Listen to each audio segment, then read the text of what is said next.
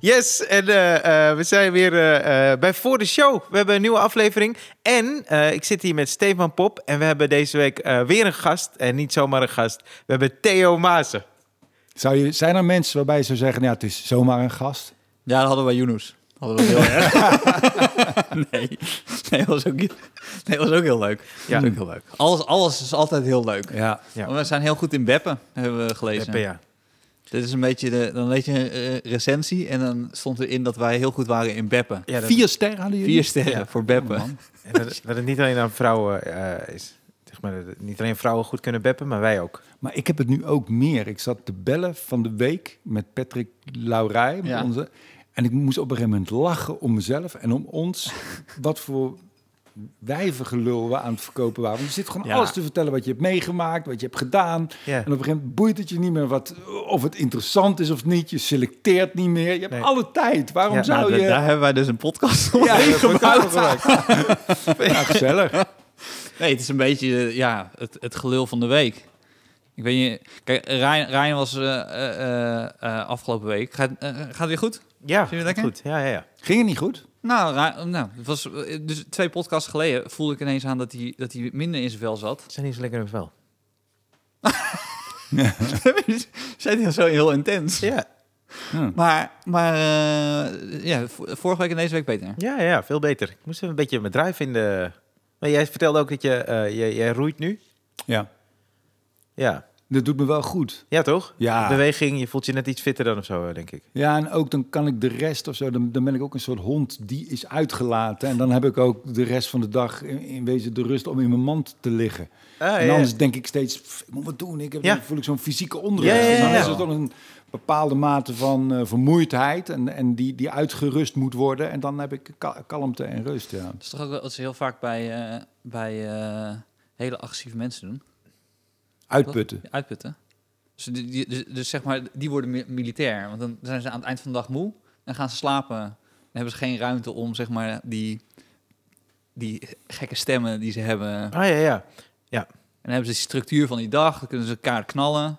Ja, dat mis ik nu ook, structuur. Want ik Ja. merk ook, als ik moet werken, dan ben ik emotioneel veel stabieler, omdat ik me allerlei dingen niet kan veroorloven. En ik heb een beetje van mezelf niet, niet echt gediagnosticeerd en niet dat ik medicatie nodig heb. Maar ik ben wel een beetje manisch-depressief. En als, alleen, als ik moet werken, dan, dan heb ik wel, zo erg is het blijkbaar niet, heb ik de discipline van ja, ik moet spelen, weet je wel. Dan ben ik Ja, professional. Nou, Alleen nu heb ik het niet en dan voel ik echt, ik heb ook even één of twee dagen per week dat ik me ook behoorlijk beroerd voel. ja. Maar heb je ook niet, want dat heb ik heel erg, dat hoe je je ook voelt, je kan het altijd op de een of andere manier kan je het kwijt op het podium. Ja, bijna altijd. Ja. En dat kan nu niet. Dus nou, dan zit je... wil ik wel even iets tegenin gooien. Want als je te veel kwa- eh, eh, eh, gewoon tegen het publiek aangooit... dan merk je heel vaak dat het publiek... ja, maar dit is niet, het is niet zelftherapie hier zo. Nee, maar Het moet niet... het zit hem niet altijd in de woorden bij mij. Het zit hem ook in de emotie juist. Ja, die je de energie. Dan kan je naar de Oh, energie. dat- ja. Nee, het is textueel Ja, niet, want dan nee. heb je tijd nodig volgens mij om Ja. daar Ja. een mooie drol van te kakken, van wat je hebt meegemaakt. Maar die energie wel. Ja, ik merk wel dat ik eh, gewoon... Ik ben heel blij met mijn baby. Dat geeft me heel erg veel zingeving. Dat ik denk, nou, dan kan ik dat... eh, dat is dan mijn, doel van de dag. Je hebt nut nu. Nou, dat vind ik wel helpen met, een- met, met een kind, ja. Ja.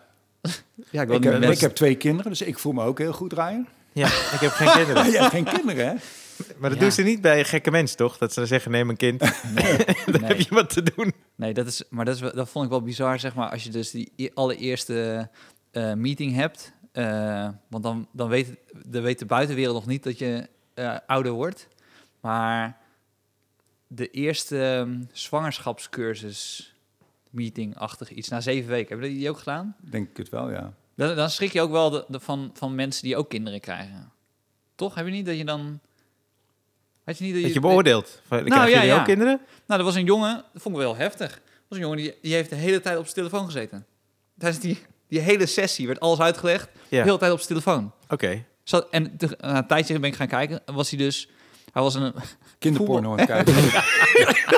Ja, daar zou ik wel verschrikken, ja. Ah, geluid uit, geluid uit. Chique vent.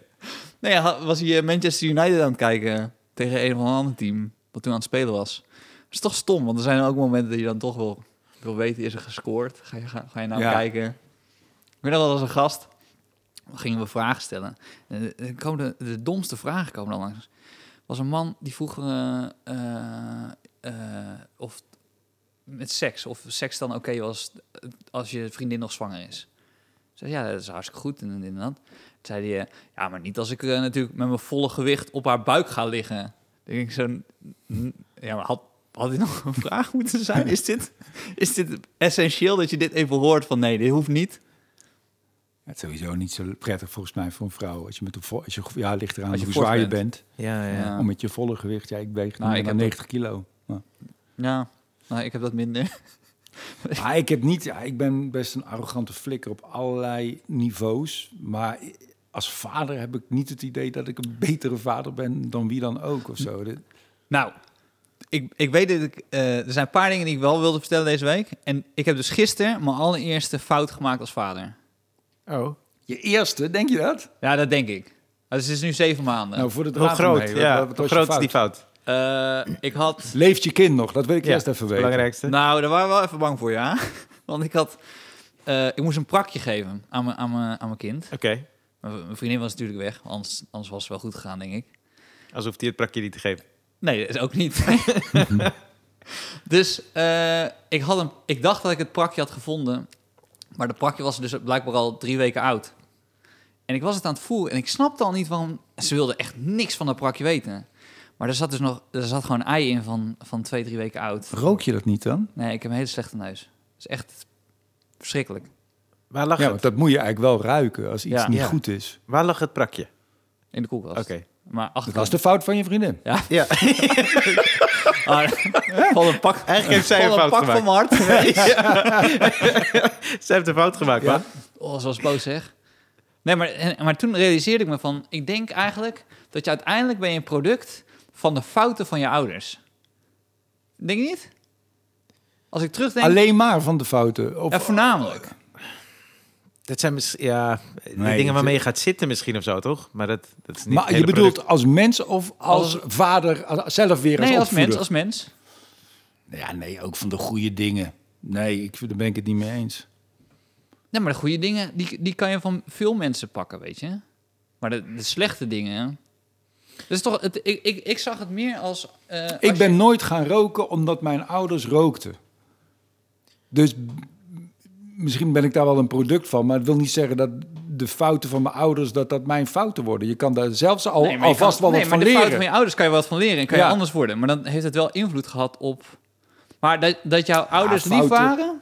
Maar het is ook moeilijk, het loopt ook door elkaar heen. Hè? Ik geloof niet zo in die dualiteit dat je, goede, dat je fouten hebt en goede dingen. Het, het is, dingen zijn altijd zo met elkaar vermengd. Ja, maar je, je onthoudt wel de slechte dingen. Als, als, Ja. je mij twee, eh, als je mij twee dingen zegt, één is goed en één is fout, dan onthoud ik het fouten.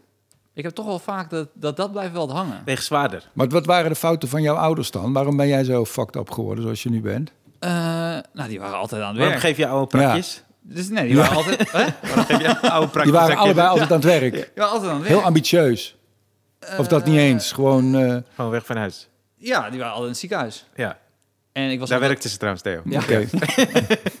Als zo, zo, zo dat ding. Weet je, zo- zo'n ding die zo vast zit. Een Nou, dwangbuis. Zo'n dwangbuis, ja.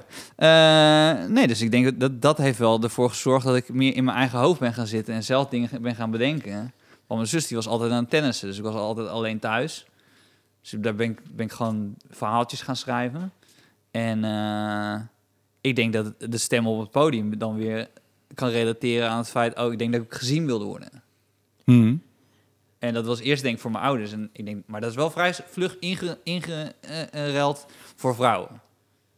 Dat je wilde dat vrouwen je, je zouden zien. Ja, ik, dus ik had niet zoveel succes met vrouwen. Dus Oh, en dan is het eh, het podium, ja. ja. Dus dat, dat, dat vond ik wel handig dat dan... eh, dat En dat hielp toen Nee, je ging optreden. nee, tot, nou, ik dacht eigenlijk, in het begin dacht ik dat het heel erg zou helpen. Maar het werkte niet. Nee? Nee. Dus toen ik net hierbij kwam, eh, weet ik 17, nog wel. 18, toen dacht ik, eh, oh, nu, eh, nu ga ik wel chicks regelen. Maar dat was echt... eh, Ja, het was nog wel heel. Want je was heel, heel charmant op het podium ook. Maar ook nog wel heel erg een jongetje. Je Ja. had toen nog niet zoveel man in je. Nee, nee, zeker niet. Zeker niet. Ik heb, daar, ik heb daar serieus nog over nagedacht. Ik dacht bij mezelf, ik moet meer overhemden gaan dragen. Dus als ik foto's zie van vroeger, toen ik zo rond de 20 was, had ik me gerealiseerd, oh ja, als ik nou iets ouder lijk, dan, dan kan ik dat misschien doen met een overhemd. Maar toch werkt dat nooit. Ik heb een keer een man gezien, toen moest ik zo lachen. Die was heel klein en die had zijn zadel van zijn fiets iets hoger gezet, zodat hij wat groter zou lijken. Maar wat je vooral zag, is dat hij niet goed bij de trappers kon. want dat hij te lijken. Je, je, je, Ja. je moet juist toch Ja. omarmen wat je hebt en daar moet je het mee doen. Het dat is... Want er zijn ook leuke, leuke chicks die vallen op zo'n jongensachtige jongen zoals jij. Alleen niet op jongens die niet, er niet, niet willen zijn wat ze willen zijn en daardoor iets anders gaan doen. Nee, dat dat maakt zo. het dan net Maar dat is, onaantrekkelijk. net, dat is precies die periode dat je natuurlijk gaat zoeken naar wie ben je, wie wil je zijn. En dan dat je dan je voor gaat doen als iemand anders. Nee, dat was... eh, maar het, het stomme was dat ik het associeerde van ik word lid van Comedy Train. En dan... En dan Ik word lid van Comedy Train. Wat is het ook een arrogante flikker? Je hebt ook gewoon auditie gedaan, Stefan. Nee, nee, maar ik, ik heb het nu over die periode dat je dan dat je dit wordt. En dan, en dan denk bij jezelf, nou, nou nu, nu, ga ik, nu, nu ga ik gewoon chicks kunnen redden. Maar dat Nu gaat het gebeuren. Ja. Ja. maar nou, laten we zo zeggen, het is wel ontnuchterend. Als in, dan moet je wel denken, oké, eh, nee, dit, je, dan moet je wel meer terug naar je basis. Dan moet je wel terug naar, oké, wie ben ik dan echt? Maar dat heeft wel lang geduurd. Dus echt, Hoe, lang? Ik denk wel dat het zeven jaar geduurd heeft. Ja. Als ik nu naar mijn eerste en tweede voorstelling kijk, eh, dan denk ik dat ik het pas bij mijn derde voorstelling zou hebben gehad. De eerlijkheid en eh, dat het goed zou zijn geweest. Maar dat vind ik vrij normaal. Ik vind dat niet zo lang. Dat heb ik ook. Voor mij heeft dat ook zo lang geduurd, denk ik. Ja? Ja. Had jij er nog niet bij... ehm, Mijn eerste show, nee, wel dat je al je gevoel voor humor kon vormgeven, Ja. waardoor het werkte en mensen het leuk vonden. Maar niet dat ik kon tonen wie ik was. Nee. Wel een soort commentaar op andere mensen, Mhm. Maar dat is iets anders voor mij. Dat is eigenlijk iets makkelijkers. En, maar tonen wie je bent, daar heb ik ook eh, twee of drie programma's over gedaan. En Ja. volgens mij is het vrij normaal. Ik had na mijn tweede programma dat ik dacht dat ik het niet zou kunnen. Dus dat ik, ik toen ik die derde voelde komen, dat, is ook de reden dat ik toen niet eh, een derde heb gemaakt. Dus toen dacht ik echt bij mezelf, ja, ik, heb, ik kan het niet.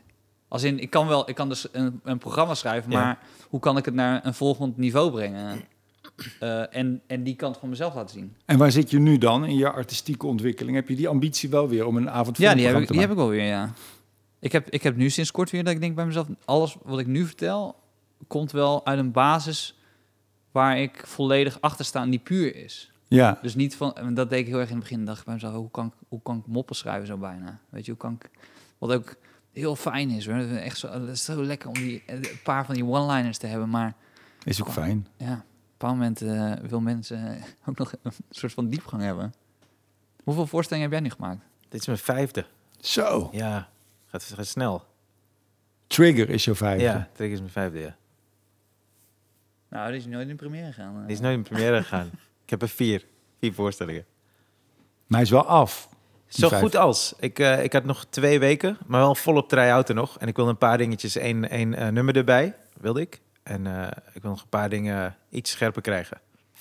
Dus daar was ik. Daar was ik. En waar zit jij dan als, als Stefan vertelt van de, tonen wie je bent en je stem vinden? Daar ging het toch over? Ja, Ja, ja. En hoeveelste programma Ik- is, of is dat je al gelukt? Of bij Ik, het ik had het idee bij mijn vierde, dat is mijn laatste, eh ene laatste dan, fenomeen. Daar had ik het gevoel van, oh wacht, nu voel ik echt dat ik eh, iets kan maken waarbij ik echt denk, oké, dit is wie ik ben. Hier ben ik niet te veel op grappen aan het zitten voor mijn gevoel. Eh, en dat kwam dan juist doordat ik dingen wilde vertellen graag. En bij deze had ik een paar, een paar verhalen in deze show die, waarbij ik echt, oh, dit is echt waarom ik nu zo ben. Dat heeft daar heel erg mee te maken.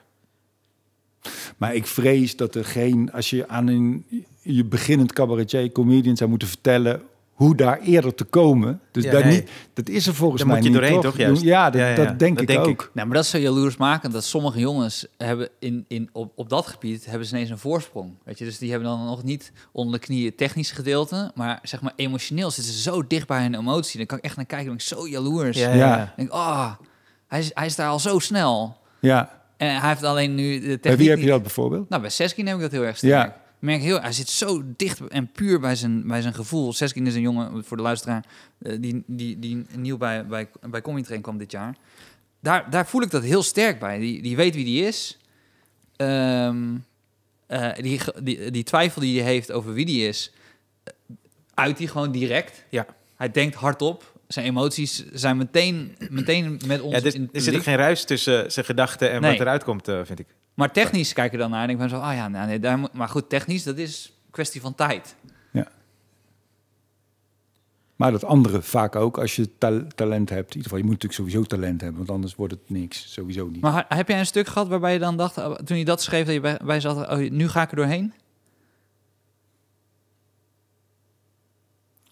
Ja, ik had op een gegeven moment mijn eerste drie shows, daar zaten ook allemaal personages in. Die Henk van de Tillaard, wat Ja. super succesvol was. En daarna zo'n man met van de carnaval. Ik van die typetjes personages ook in mijn show. En dat vond ik ook leuk. En daar vertelde ik ook wel wat mee. Maar dat, en dat liet ik op een gegeven moment... En het was eigenlijk volgens mij na mijn... Ja, het zijn ook de worstelingen die je helpen, toch? Volgens mij na mijn tweede show, toen... Ik, ik, soms wist ik me ook geen raad. Of dan probeer je jezelf opnieuw uit te vinden. En dan...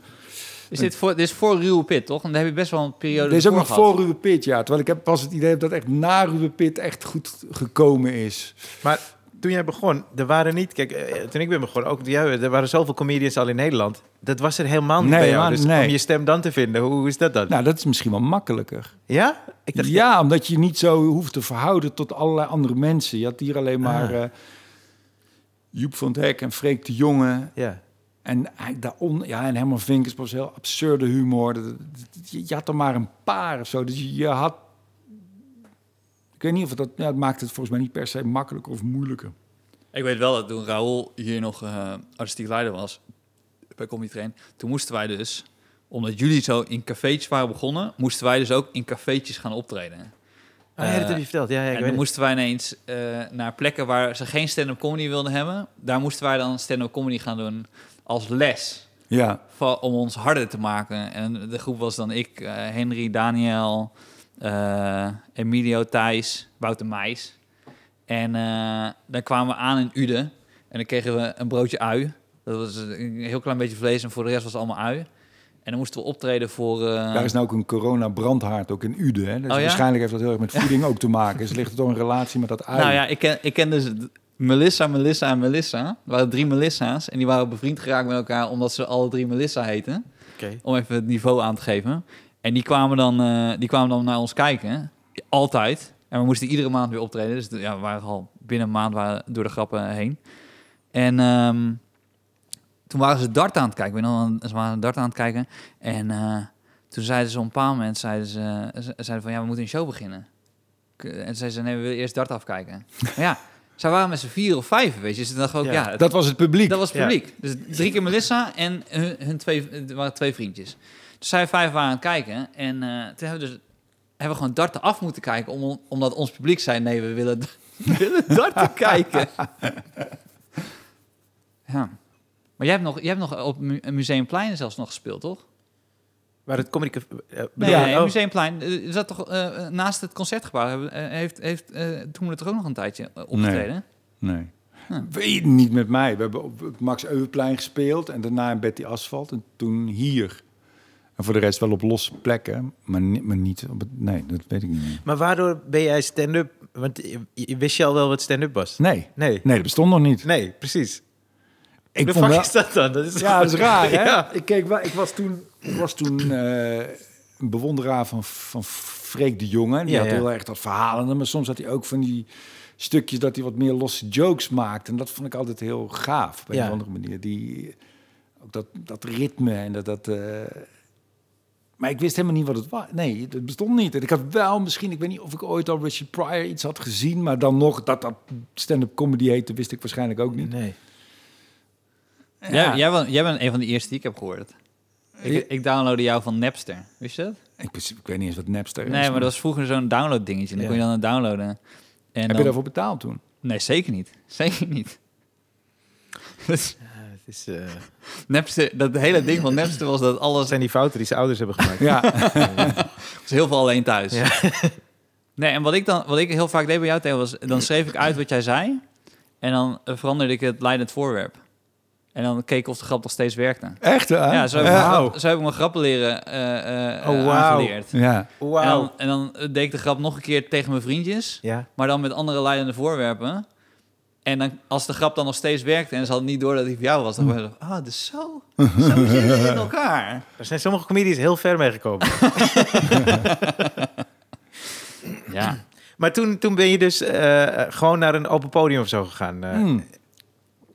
Nee, ik, want ik wilde cabaretier worden, want ik had geen ander woord. Ja, precies. Ja. Dat, dat wel, dat, Ja. dat wilde ik al heel lang. En eh, toen heb ik meegedaan. Ja, het gebeurde een beetje tegelijkertijd. Ik, ik zat op een theateropleiding. Ja. En eh wij moesten stage lopen, maar ik wou niet stage lopen bij een van de theatergezelschap. Dus Ja. ik had gezegd, ja, ik, ik doe mee aan een festival. Dat was dan mijn stage. En dat accepteerden ze als stage. Oké. En dan hoefde ik nergens heen. Dan kon ik gewoon Ja. thuis eh, zuipen en, en uitslapen. En toen had ik me wel aangemeld voor het Groninger Studenten Cabaret Festival. Maar tegelijkertijd, ik weet niet precies in die, in die tijden hoe dat liep, las ik een advertentie van Raoul. Dat Ja. die comedians, nee, die- gezocht volgens mij mislukte cabaretiers. En ik, ik was nog niet mislukt. Nee. Maar eh, ja, toen heb ik me aangemeld en toen ging ik eerst kijken naar wat hij deed. En toen gingen we, ja, toen, toen gebeurde het, toen gingen we het gewoon doen. Had ik gewoon grappen bedacht en eh, eh, ja, zo ging het gewoon. En ja, in, in, in, in- toen heb ik de eerste keer gespeeld in eh, de open bak. Ja. Ergens op, op een dinsdagavond. Toen kwam Raoul kijken of ik goed genoeg was. ja. Jij, maar jij, jij bent toch begonnen bij Comedy Café, ja. afhankelijk? Ik had, ik had eh, maandag eh, open mic op het Comedy Café en woensdag hier. Oh, Want ja. eh, Lee, die hier werkte, ik had zo'n Ja. datum voor eh, woensdag. En toen zei ze, ja, maar dan kan je beter toch even eerst het Comedy Café doen. ja. Want dit is net even een stapje daarboven. En jij werkte toen bij, een call, callcenter? Eh, American Express, eh, maar daar was ik wel gestopt pas volgens Ah, mij. ja. eh, ja, ik werkte bij American Express. Met uh, weet- Dara Faisi. ja. Ja. En je, je had wel al beelden in je hoofd. Of je wist wel wat stand-up comedy Ja, was. tuurlijk. Ja. Ik, eh, jou gezien heel veel. Erik van Sauers vond ik geweldig. Ja. En eh, Bill Burr. Ik weet nog dat ik eh, toen heel vaak met de overhemd optrad met strepen. Omdat ik Bill Burr special had zien opnemen. Daarmee Ja. Dan voelde ik me een klein beetje Bill Burr. Dus ja, zeker ja. En hoe ging het de eerste keer? De eerste keer ging het eh, goed, maar ik had het niet helemaal door. Want ik had zeg maar thuis eh, voor de spiegel ging ik oefenen. En ik nam het ook op, zo'n voice recorder. Liet het aan mijn beste vriend horen. Hij moest niet lachen. en eh, toen trad ik op. Maar ik was zo zenuwachtig dat ik geen idee had wat aansloeg of niet. En ik hoorde wel dat mensen... wel- ja, ik ja. lette helemaal niet op. En er was wel zo'n soort rush. Dat toen ik eraf ging van het podium, wilde ik meteen weer. En toen er waren wat mensen en er was zo'n vrouw die wees dan ook van... ja, ik vond hem ook goed. En ik had geen idee of het goed of niet goed was. Dus dat, toen dacht ik, oh, oké. Eigenlijk zijn we nu weer terug bij af. Dat je nu, want ik weet het van die beginperiode wilde je gewoon heel veel optreden, maar het kon niet. Weet je, Hmm. je kon niet ergens Ja, zomaar weer. ja, daar zitten we nu ook mee. En nu zitten we precies in hetzelfde. Ja, dat je nu ja. denkt, oh, ik wil weer, ik wil weer. En het, en het kan gewoon niet. Het zijn niet... Ik heb gisteren eh, meegedaan aan die- aan die one-liner avond. Oh ja, ja hoe Hier. was dat? Ze, eh, Zat het publiek een beetje, of niet? Nee, dan hadden ze een livestream en dan die jongens die het ook deden, die, ja, die stonden verderop. Oh ja, dus die hoorde je wel af en toe. Die, ja, die hoorde je. hè? En eh wat vond ik wel jammer, ze hadden een, een lachband die ze dan instarten. Uh, okay. Ja. Ja, voor jou als comedian is dat Nou, niet ik ken fijn. dat. Nee. Ik ken dat. Weet je, ik heb het al vaker gedaan met een lachband. eh, maar eh, eh, ik, ik vond het wel fijn om weer gewoon, ja, al was het maar dat ik het inbeelde dat er mensen zaten en dat Ah, je ja. dat ritme pakte. En dat je dacht bij jezelf, oké, nu doe ik deze vier grappen sneller achter elkaar en nu neem ik weer iets meer de tijd. Maar goed. Ik, ik weet het, je hebt eh, meegedaan uiteindelijk aan eh kameretten, toch? Ook, ja. Ja, en toen, eh want dat vind ik zo legendarisch, toen heeft de jury heeft volgens mij gezegd dat het eh, eh, geen goed jaar was. Nee, nee, nee. Maar hoe was dat? Wat- Had jij daar toen op dat moment, kijk, achteraf heb je natuurlijk scheid, denk je, ah, wat de fuck ja, nee, dat was nou? hartstikke kut. Op dat moment, toch? Ja, dat zou mij ook enorm Ja, raar Maar zeiden zij dat op het podium? Ja, man. Ja, Echt? Ja. Het was, Dus jij staat naast Ze wilden niemand Gewonnen, met de persoonlijkheidsprijs opzadelen... en ik was de slechtste winnaar ooit, stond de volgende dag in de krant. ja, maar dat is... ja, en dat de jury... En allemaal, de jury had niet één keer moeten lachen... en er was geen diepgang en er was... En was er niemand in de krant die iets anders zei? Of die hebben het gewoon overgenomen? Ja, niet iedereen was zo negatief, maar er was niemand heel positief.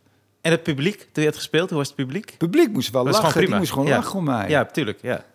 En eh, normaal gesproken is het zo. En ik, ik kon ook geen impresariaat krijgen. Er was geen impresariaat eh, wat, wat mij in zee wilde. Er kwam niemand naar me toe van... hey, eh, ik wil je wel helpen bij het boek. Ik heb toen nog de hele tijd gewoon allemaal zelf gedaan... en eh, gewoon voor studentenvereniging alleen gespeeld. In Groningen en overal. Ging met de trein heen voor een paar honderd euro.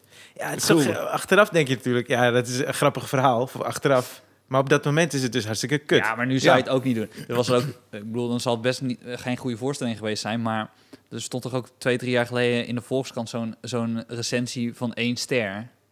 Dat is gewoon, dat was gewoon een, een comedy stuk door de recensent. Hmm. Hoe, hoe hard kan ik hem trappen? was dat niet bij. René Vermeurs? Misschien was het ook wel bij René, ja. Ja, die had toen een hele slechte recensie. Ja. En eh, soms denk ik ook wel eens bij... Ja, maar goed, aan de andere kant, ja. Ja, als iemand net begint. Ik was een amateur. Ik had het gewoon nog een paar... eh, Ja, ik was je stage, soort van. ja nou ja, nu heb je, doet, doet iedereen mee en die heeft hier al een jaar gespeeld. Ja. En ja, ervaring. Ja, ja, En Ik had helemaal geen ervaring. En volgens mij was het helemaal niet... Ja, gewoon ja, wat, je- wat je dan doet de eerste keren. Dat scheelt wel hoor. Eh, ervaring, maar ook mensen om je heen die ervaring hebben. Want ik weet niet of jij dat... Ik had dat juist een beetje bij jou. Toen ik mijn vorige show ging try-outen.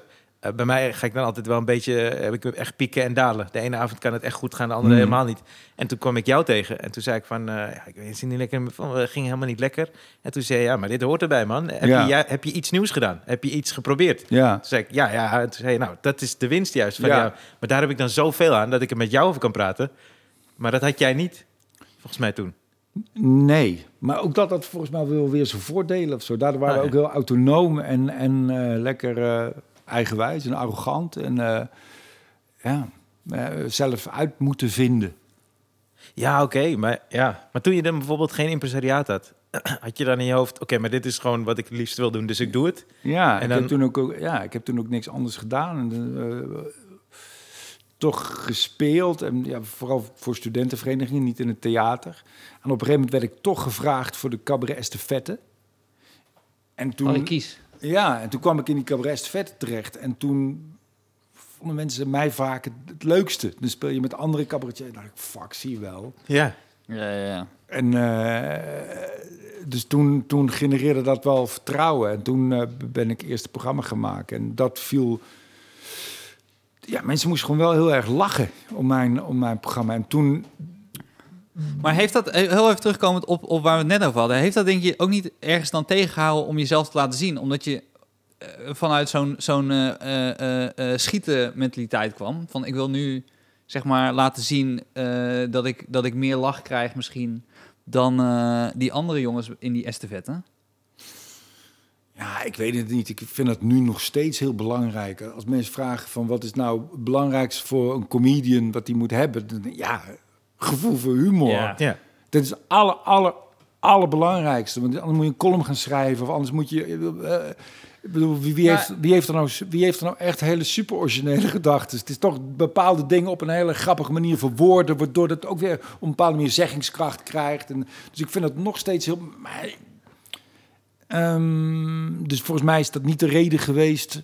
Maar iedereen, elke beginnende comedian worstelt toch in de eerste fase van zijn carrière met bestaansrecht. Ja. Ben ik grappig genoeg? Ben ik de moeite waard om, om deze ruimte in te nemen? Dat mensen naar me kijken en hun mond houden of zelfs betalen. Dat is toch heel normaal?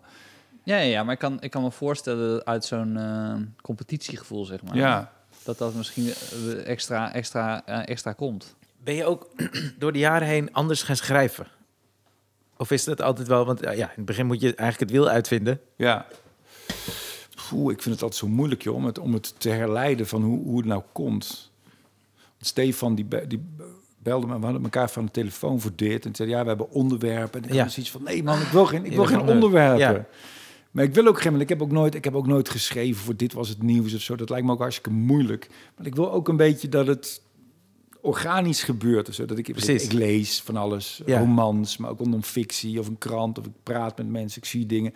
En, zo, en blijkbaar blijken er, blijven er soms dingen haken of fascinaties of obsessies... waar ik dan toch over, langer over nadenk of waar ik over ga schrijven. En dat is voor, voor mij een heel organisch proces. Dus ik ga, ik ga niet van tevoren denken, goh, wat is nou...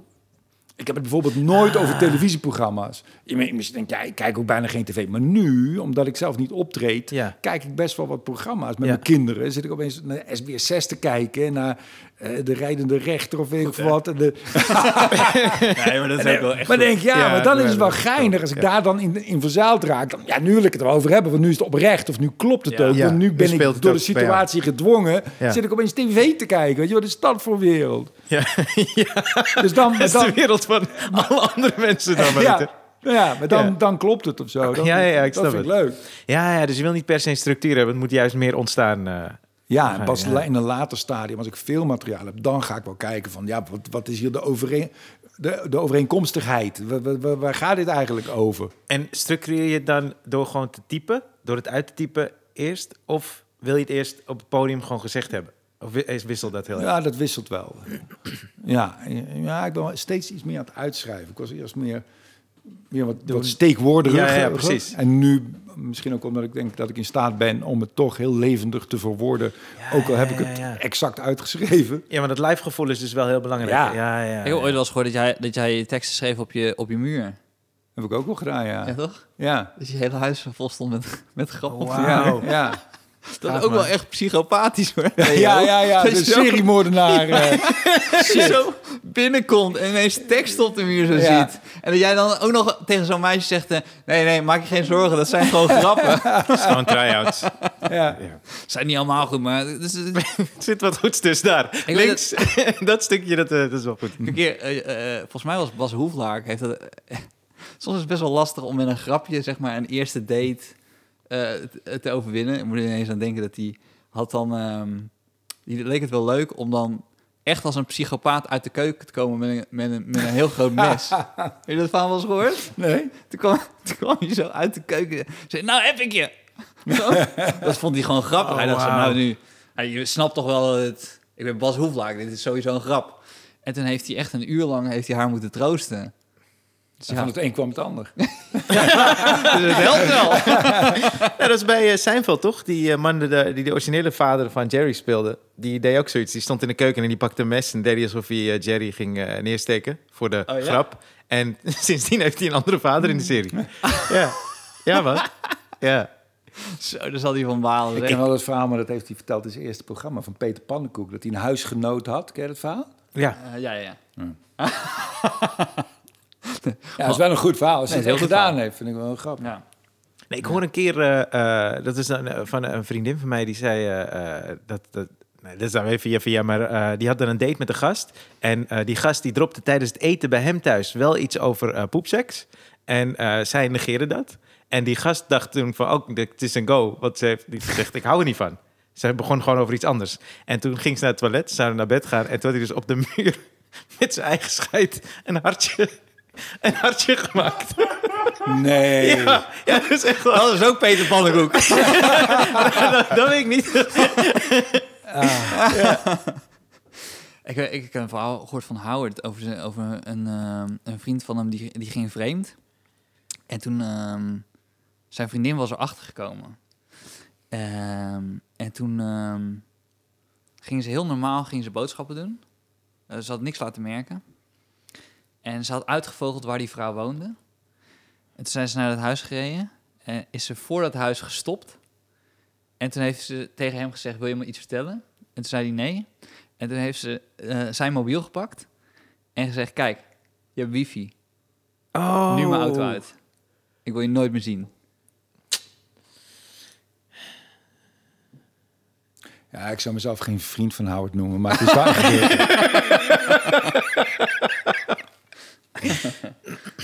Hey, je, hebt geen, je hebt geen wifi op je telefoon, toch nog? Nee. Nee.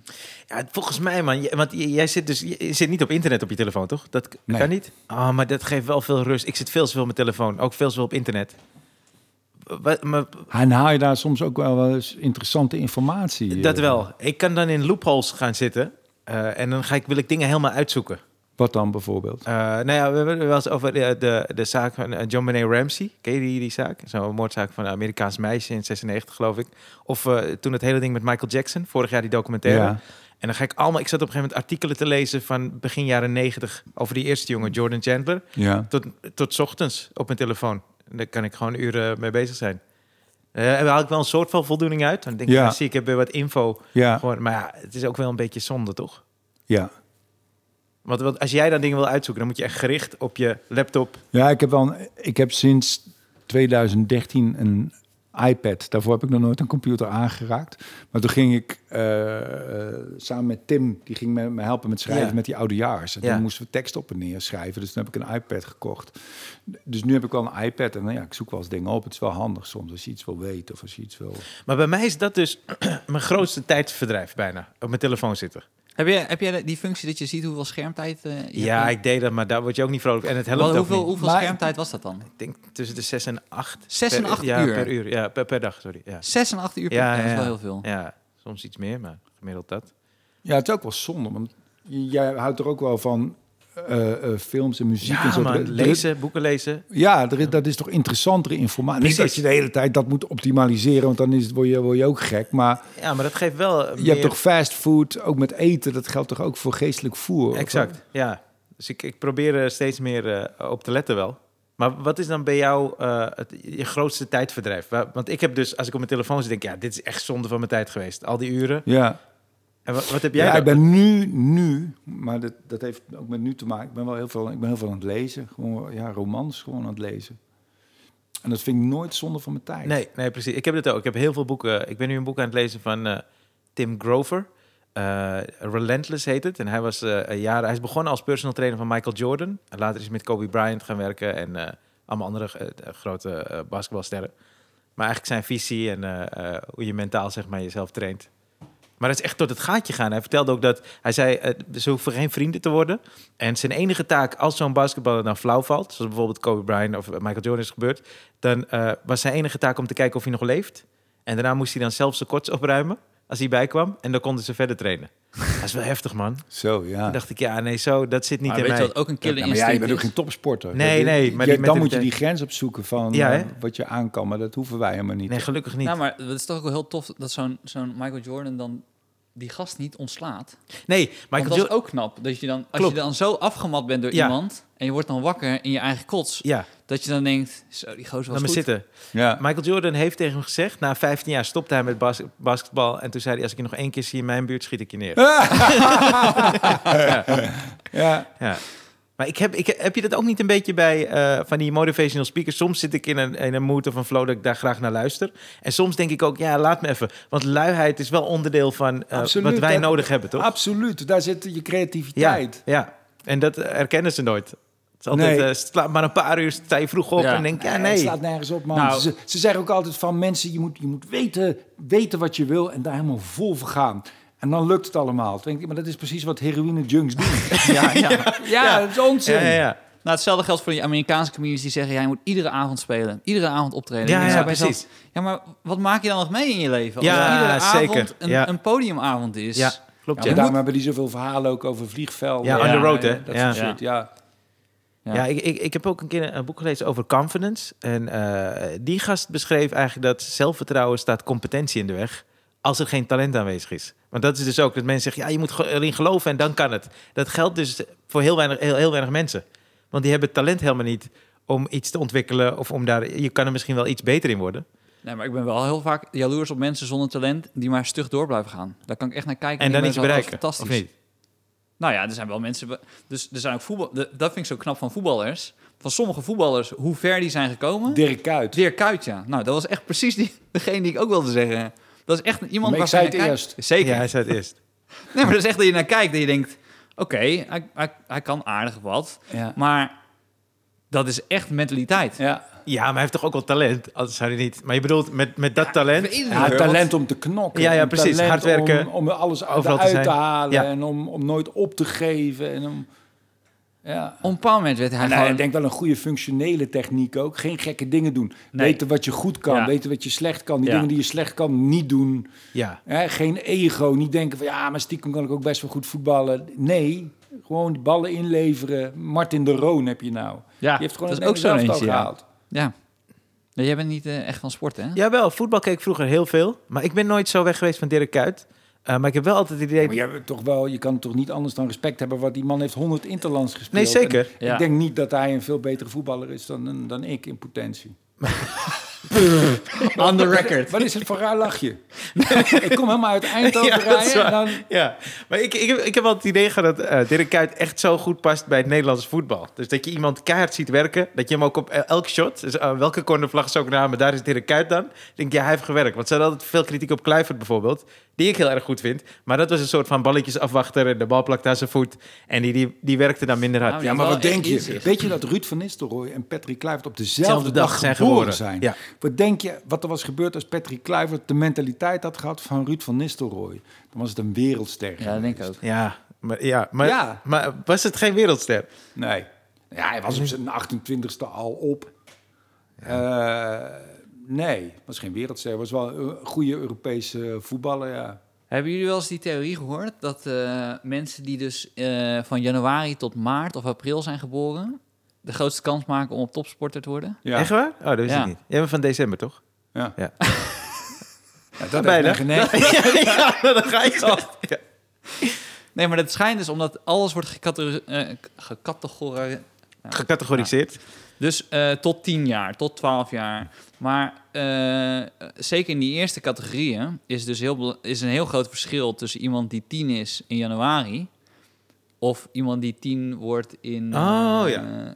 Nee, Ja, die- andersom. Sorry. Het gaat Ja, om je 12. kan soms fysiek tien maanden voorlopen. Ja, dat Ja, En dat is een heel groot voordeel. Net als Ja. met de vroege dan- leerling ja. op school. Ja. Oké. Ja, en die krijgt, dan, dan win je meer wedstrijden en dan krijg je meer positieve prikkels. En dan blijf je het langer doen en dan ben je meer gemotiveerd om het te blijven doen. En dat is de reden waarom dus heel veel kinderen die dus in het voorjaar geboren zijn, grotere Ah, kans ja. maken. Denken jullie, hè? als voetballer denk ik dat de ideale leeftijd is denk ik 28 jaar. Want dan heb je al, ben je gerijpt, heb Ja. je, heb je Als, Eh, als voetballer. als voetballer. Ja, ja. hè? Van, van Persie bij Manchester United. Ja, dan, dan ben, ben je al gerijpt, maar je hebt nog de kracht van je leven. Ja. Zou dat voor comedians ook gelden? Hebben die een soort ideale leeftijd? Dave Chappelle zei pas, eh, ik weet niet meer waar ik dat zag, maar hij zei juist niet. Als je ouder wordt, krijg je juist rust. En heb je, maar ik weet dat niet. Ik denk dat voor sommigen wel, voor anderen niet. Nou, heb ik weet een niet wat de ander- ideale leeftijd andere, is. Een ander ding, waar, en hier geloof ik echt in, voor artiesten, is, eh, er, zijn, er is een theorie, dat is de, de 10-jaar-theorie. Ja, ja, ja. Oh, ken je die? Ja, ja, ja. Dat is, eh, Ken je die ook? ik Nee, ben- vertel hem. oh, nee, Eh, sorry. we hebben ook Nee, nog ja, luisteraars. Hè? Want ik wil nog steeds dat verhaal van Peter Pannenkoek eigenlijk vertellen. Ja, maar, ik, nee, eh, die bewaren we. Die komt ja, zo. oké. Ja.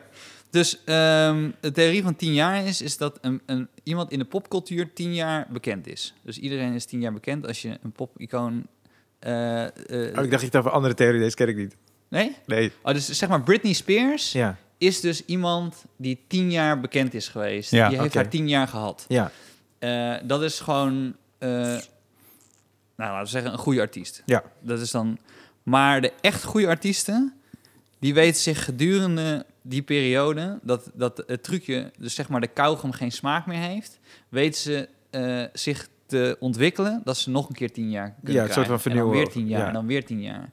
En daarom kan je dus bijv- bijvoorbeeld bij zo'n Bob Dylan, kan dan relevant blijven, omdat hij eerst akoestisch, daarna elektrisch en daarna met een fucking banjo of whatever, dat hij snapt, oké, ik ga mensen kwijtraken, maar ik, ik moet weer wat anders gaan doen. Ja. En dan blijf ik mezelf ontwikkelen. En als je dat in dat proces blijft, dan kan dat, dan eigenlijk rijp je dan de hele tijd. Ja, het lullig in de muziek is dat ik vind, en zeker nu, er is een ontzettende nostalgische cultuur. Waarbij er allemaal tribute bands spelen. De Rolling Stones, mensen gaan daar nog steeds naar kijken. Omdat ze daar vroeger fan van waren. Ja. En dat vind ik wel jammer. Dat, dat, daardoor blijft dat ook allemaal maar leven. Ik geloof dat Nederland ook het enige land is waar UB40 nog optreedt. zijn- Niemand wil UB40 meer zien. Maar alleen in Nederland vinden ze dat dan toch nog leuk. Ik Nee, wel. Er ja. zijn twee UB40's, wist je dat? Echt? Er zijn er twee, ja. De leadzanger, Ellie Campbell, die, is, eh, eh, die had ruzie met de rest van de band. Dus die, en, en het management vooral. Dus die is opgestapt, opgestapt en die heeft zijn eigen UB40 is die begonnen. En de broer van Ellie Campbell, hij heeft twee broers. Eentje zat al in UB40. En de andere broer, die nooit eigenlijk mee mocht doen, dat is nu de leadzanger van de andere UB40. Ze zijn er twee. En ze komen dus elk één keer per jaar naar Nederland. Dus je hebt twee keer UB40 in Nederland, man. ja. Ja, het volle is van comedian is ook wel dat je, omdat je ook een beetje verslag uitbrengt van je leven, is het natuurlijk ook wel zo dat, dat je door verschillende fases heen gaat. Dat je op een kinderen krijgt, of je gaat scheiden, of je bent verliefd, je, bent, je wordt oud, je krijgt plasproblemen. Al die, al die dingen zijn wel allemaal dingen waar je over kan praten. Maar je hebt wel eh, toch periodes dat je voelt dat je be- beter bent dan in een andere periode, toch? Of kan je dat niet zo stellen? Nee, dat vind ik toch wel moeilijk. Om zelf, ja, dat is net als met, vraag wat mijn favoriete programma is of zo. Dat vind ik toch wel moeilijk hoor, omdat het ook Nou, allemaal... Heeft het ook met een soort drive te maken? Want ik heb dan het idee dat sommige comedians, als ze dan ouder zijn, ze denken, ja, maar ik heb het nu al wel goed of zo. Dus ja, wat is dan de Hmm. noodzaak? En ja, er is sommige minder frictie met, Ja. met de werkelijkheid. Ja, en sommigen verliezen dat nooit. Ja, dat speelt wel mee. Dat is wel een goede. Ik geloof dat dat altijd een, de, de, bijna de dramatische drive is van, van een comedian. Is, van, is het verschil tussen hoe je zou willen dat de wereld is en hoe de wereld is. En dat dat verschil spanning oproept en dat die spanning ontladen kan worden met grappen en met lachen. Ja, En als dat steeds meer samenvalt, als iemand. eh, hè, als, hoe, hoe je zou willen dat het is en hoe het is, als dat helemaal ja, per, per, per- prima is, dan, ja, dan is er geen spanning. Waar moet je dan over lullen? Dan worden mensen ook dik. Ja.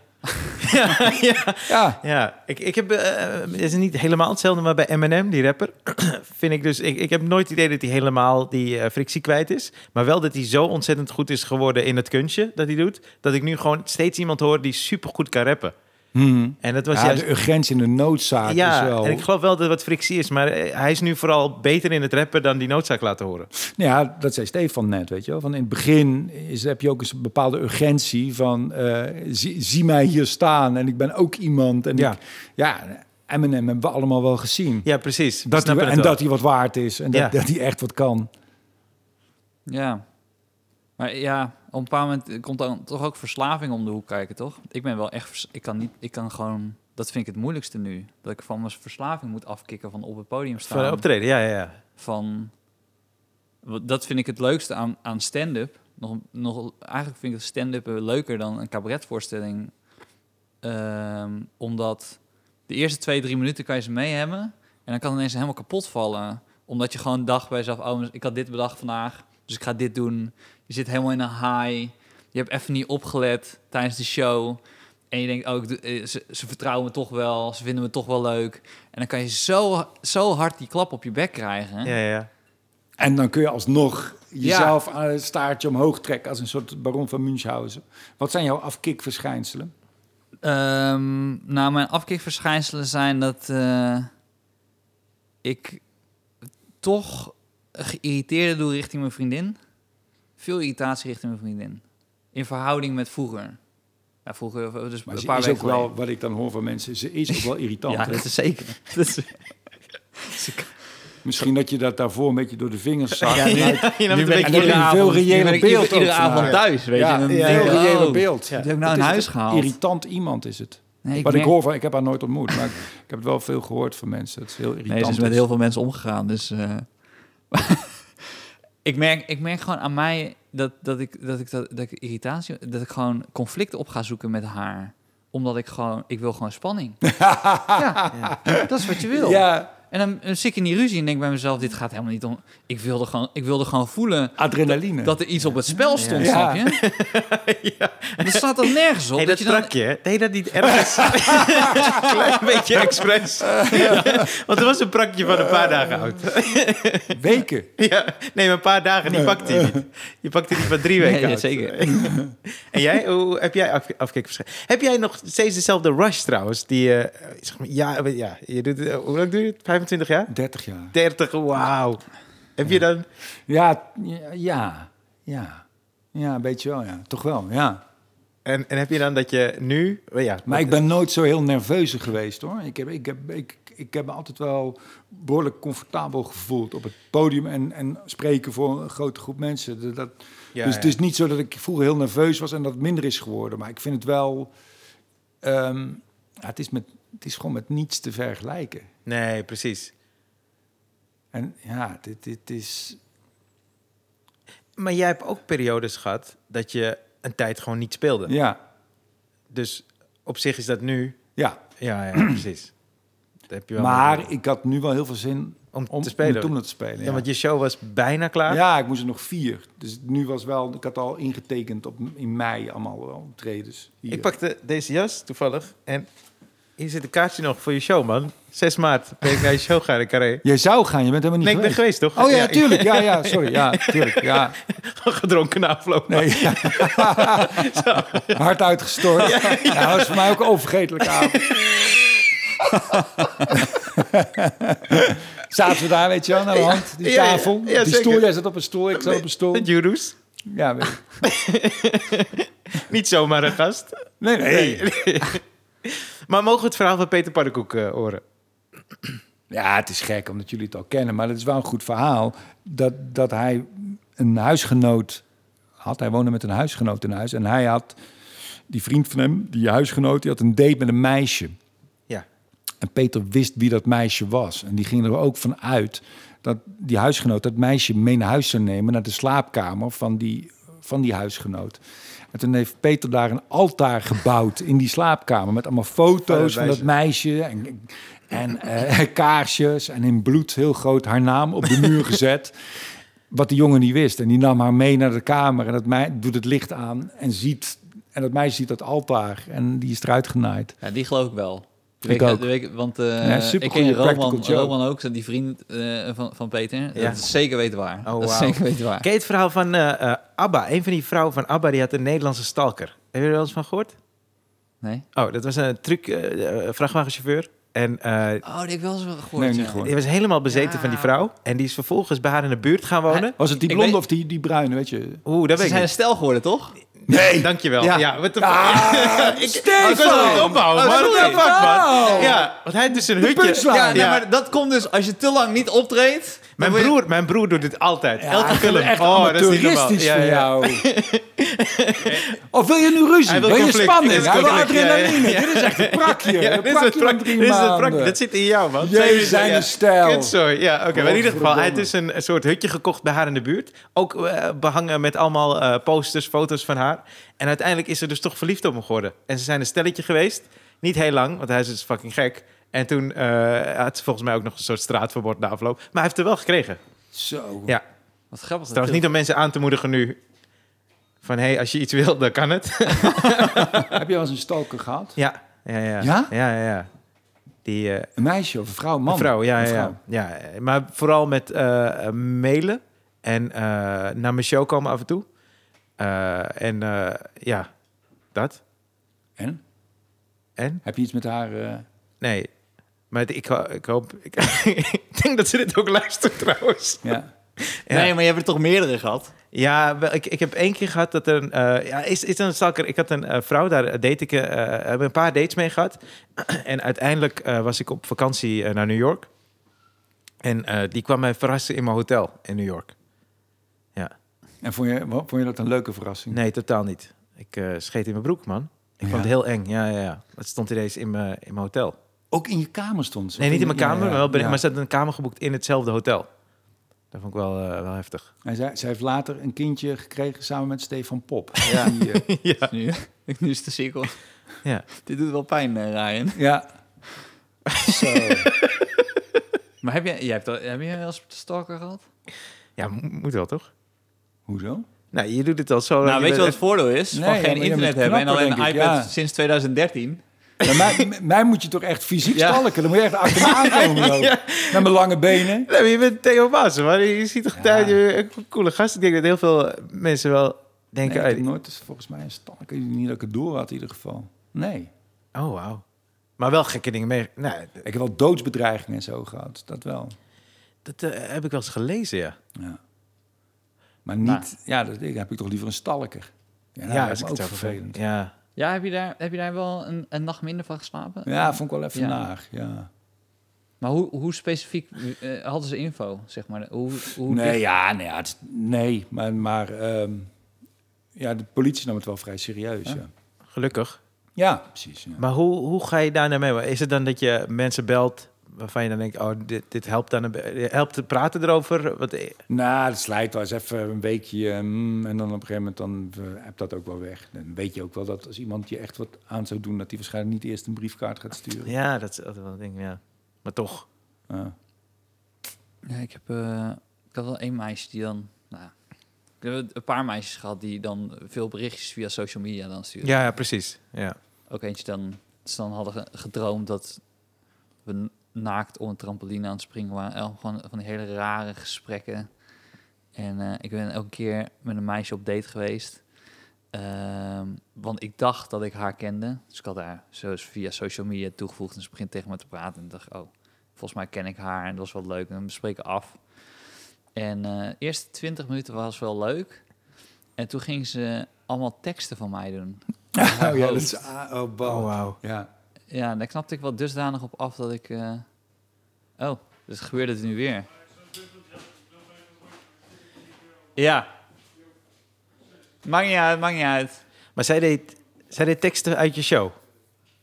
Eh, ja, ja, ja. Had Dus, ze wel eh, het leidend voorwerp veranderd.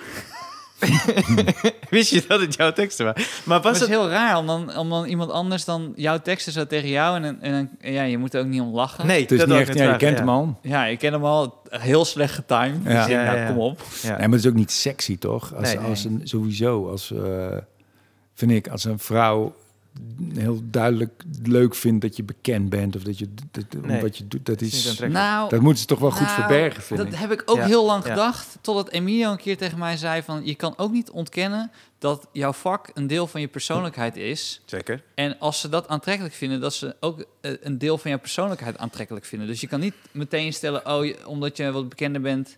Ja, het heeft met gradatie te maken. Soms, soms voel je ook van ja, maar nu doet ze het bij mij. Maar bij Leo van der Zand had ze het ook gedaan. Nee, oké, maar dat is dan weer- dat is- dat is, dat is het Dat bekendheids, is het bekendheidsniveau tussen jou en mij.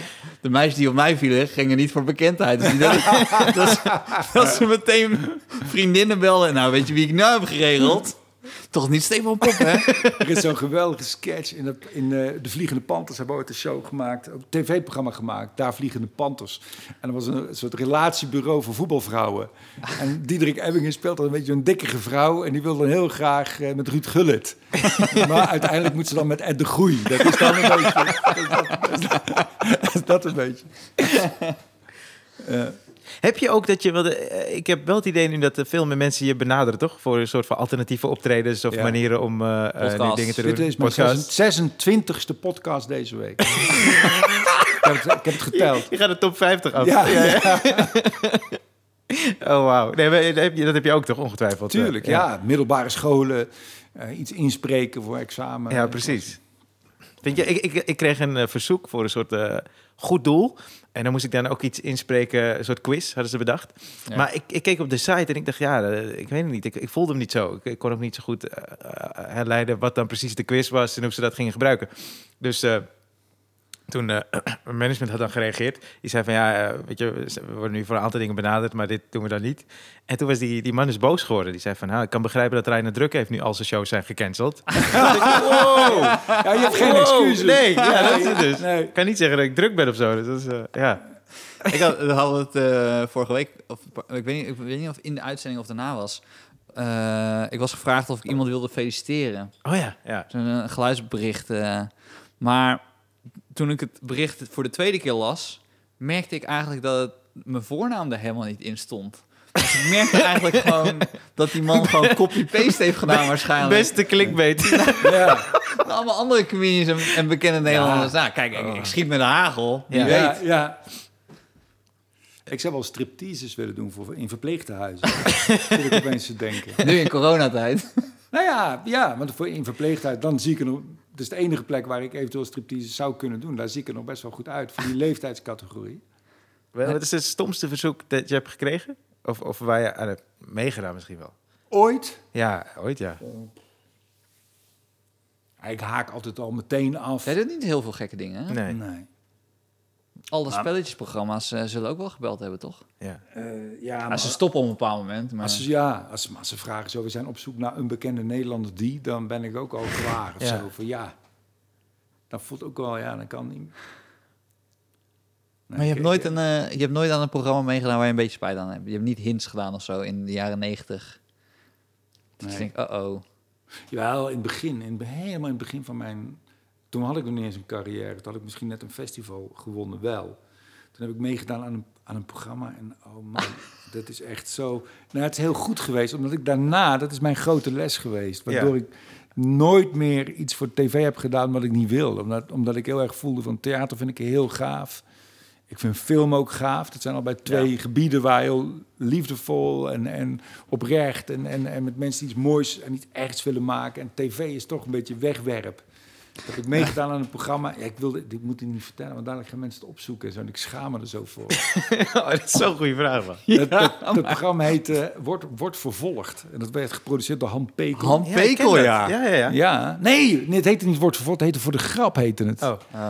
En, Maar eh, wat- wordt, wordt vervolgd, dat was voor kinderen. ja, was Ja, voor kinderen, ja. En dit was, hier werden Dit is een volwassen vent bij wordt vervolgd. Want weet je wat Toen heb ik in een Donald Duck pak, heb ik... eh,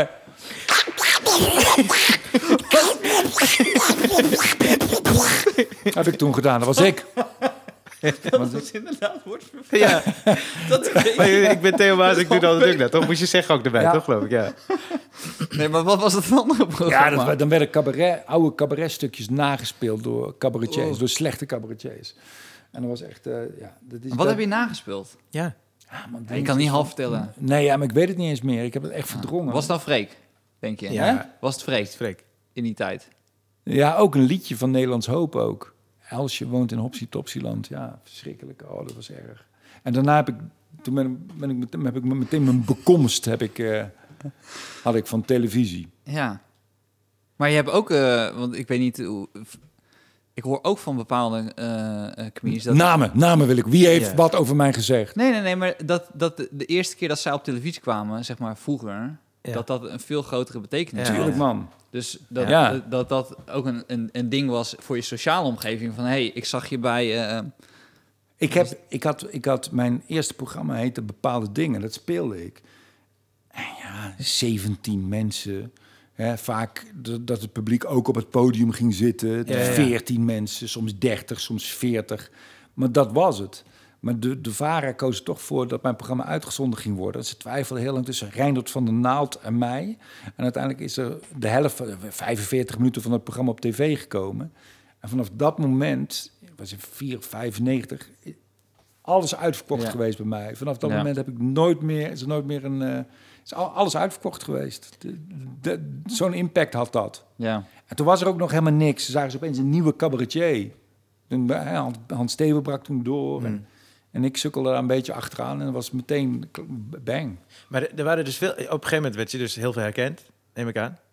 Of, Ja, Maar heb jij het idee dat mensen je heel eh, eh, snel durven te benaderen? nee, niet zo Nee, dat snel. valt mee, hè? Ja. Ik heb het bij Najib merkt dat, dat iedereen hem altijd Ja, helemaal echt man, omarmt. ja. Van, Oh, hey, jongen, Najib, ja. jij jij hebt de hele dag... Jij- Ik jij- heb het een beetje misschien, Jij maar... bent ook iemand waarvan van ik zou denken, oh, dit- daar kan ik wel naartoe lopen en zeggen, hé, Ja, jij ja. bent Ryan Pandey. Ja, maar bij Najib eh, is het echt extreem. eh, Ja. Ook van alles vinden over hem. En, eh, Ja, hij is, maar ja, hij is ook zo'n troetelbeer. Hij- Ik heb Ja. ook wel eens met hem in Eindhoven op, op, op straat gelopen. Dat is niet is normaal heftig, wat er hè? gebeurt. Ja. Ik was eh, eh, in Suriname met hem. En toen eh, waren we in het casino. We waren een beetje aan het spelen. Gewoon was gezellig. En dan komt zo'n Surinaamse man komt aan toe. En die zegt, hey, eh, jij bent toch Najib? En Najib die wilde mij intro. Ja, dit is Ryan. Toen zei die man zo van, hé, hey, maar eh, je bent dik geworden. En eh die zo, Zo. oké, ja, nou ja, Ja. ach, ja. En hij wilde een beetje afdoen als, ja, maar ik ben getrouwd. En die Ja. man die tikte op zijn buik en zei, is niet goed, hè? En toen liep hij weg. Toen dacht ik, what the fuck, man? Ja. ja. Dat wil je toch niet? Die- Nou, maar om, om, om het abstract te maken nog, vinden jullie het niet raar? Dus eh, mensen hebben dus al die social media, dus eigenlijk kan je naar iedereen zo'n bericht sturen van, hé, hey, je bent dik geworden. Ja, Maar vinden jullie het niet absurd dat je eh, ook Donald Trump een berichtje kan sturen? Je Kan gewoon- dat? Ja, je hebt gewoon Twitter. Dus je kan hem... ja.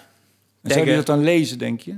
Nou, hij heeft dus ook wel eens mensen geretweet die maar een, een- een- een weinig Ja. volgers hebben, waardoor je dus weet dat hij dus wel aan het scrollen is door die berichten. Of doet, of doet iemand dat voor hem? Nee, dat hij het is dus, zelf nee, doet. nee, nee, nee, dat is dus het probleem. Dat hij dus zelf Oh ja, zijn. Twitter-account aan Hij heeft een eh, keer toch gereageerd op een Nederlandse man. Dat is Ja. een maandje geleden of zo.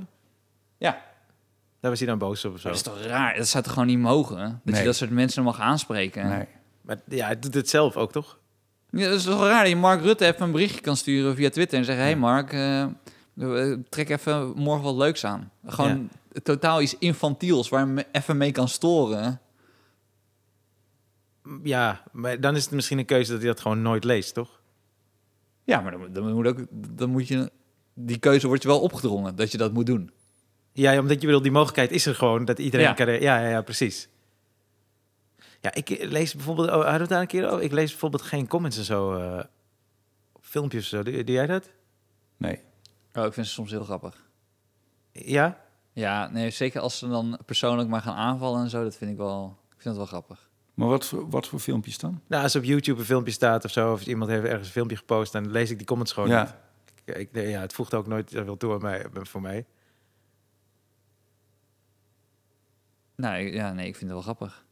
Want ze zijn altijd, eh, dus zeg maar, als ze echt naar zijn, hè, dan vind ik het, ja, dat vind ik wel grappig dat iemand dus boos is. Wat ik, al, dat, dat kan ik al niet begrijpen. Ja, dat je dat ja. filmpje hebt zitten kijken, dat je dan heel boos bent. En, maar het, het is ook niet van jou. Het, is niet, we hebben het niet samen gemaakt en dat ik het heb verneukt voor je.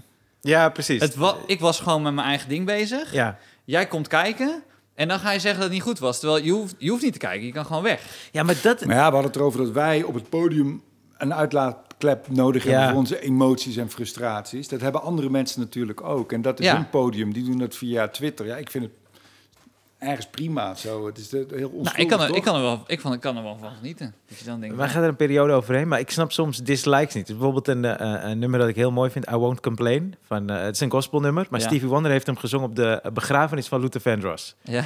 En dat is dus voor zijn vriend. Hij zingt Ja. die, eh, pr- ik vind het echt prachtig. Ik, heb echt, ik weet niet hoe Ja. vaak ik ga. Maar dat heeft gewoon 400 nog wat dislikes. Dan denk ik, wie de fuck? Het is een blinde man, hè? Die zingt voor een vriend van hem die is Hij overleden. leest die tweets ook niet. Hij, hij kan het Nee, nooit zien. nee. En dan heeft hij toch, dan denk Ja. ik, what the fuck? Wie zijn dit? Ja. Wie de fuck zijn dit? Ik wil die mensen graag een keer te Ja. spreken. Gewoon bij elkaar roepen. Het zou Zeggen, een mooi, mooi onderwerp zijn voor... en Ik zou die hele documentaire willen zien. Ja, van toch? Anderhalf Ja, uur. Gewoon al die mensen langs. Wat is, Al er nou- deze wat mensen- is er nou waarom? eigenlijk aan de Oké, hand? je stond op. En toen? Wat is er die dag gebeurd? Wat heb je tegen Stevie Wonder? Klik gewoon weg. Als je, maar dit kan je niet... niet. Maar je misschien hebt is dat net Maar je het ook bij pornofilms, heb je het ook. Bij porno heb je ook Is het ook? Ja. Ja, Comments weet ik ja. wel. ja. Nee, maar dat vind ik ook heel raar. Dat je dan dat je klaarkomt en dat dat die eerste gedachte is van dit vond ik, dit vond ik, ja, vond ik matig. Ik, is niet, ik heb het gratis geconsumeerd, maar dit is het niet. Ja, precies. Ja, en ook bij interracial porn heb je, heb je, heb Ja. je ook heel veel racistische... Nou, eh, breek me de bek niet over.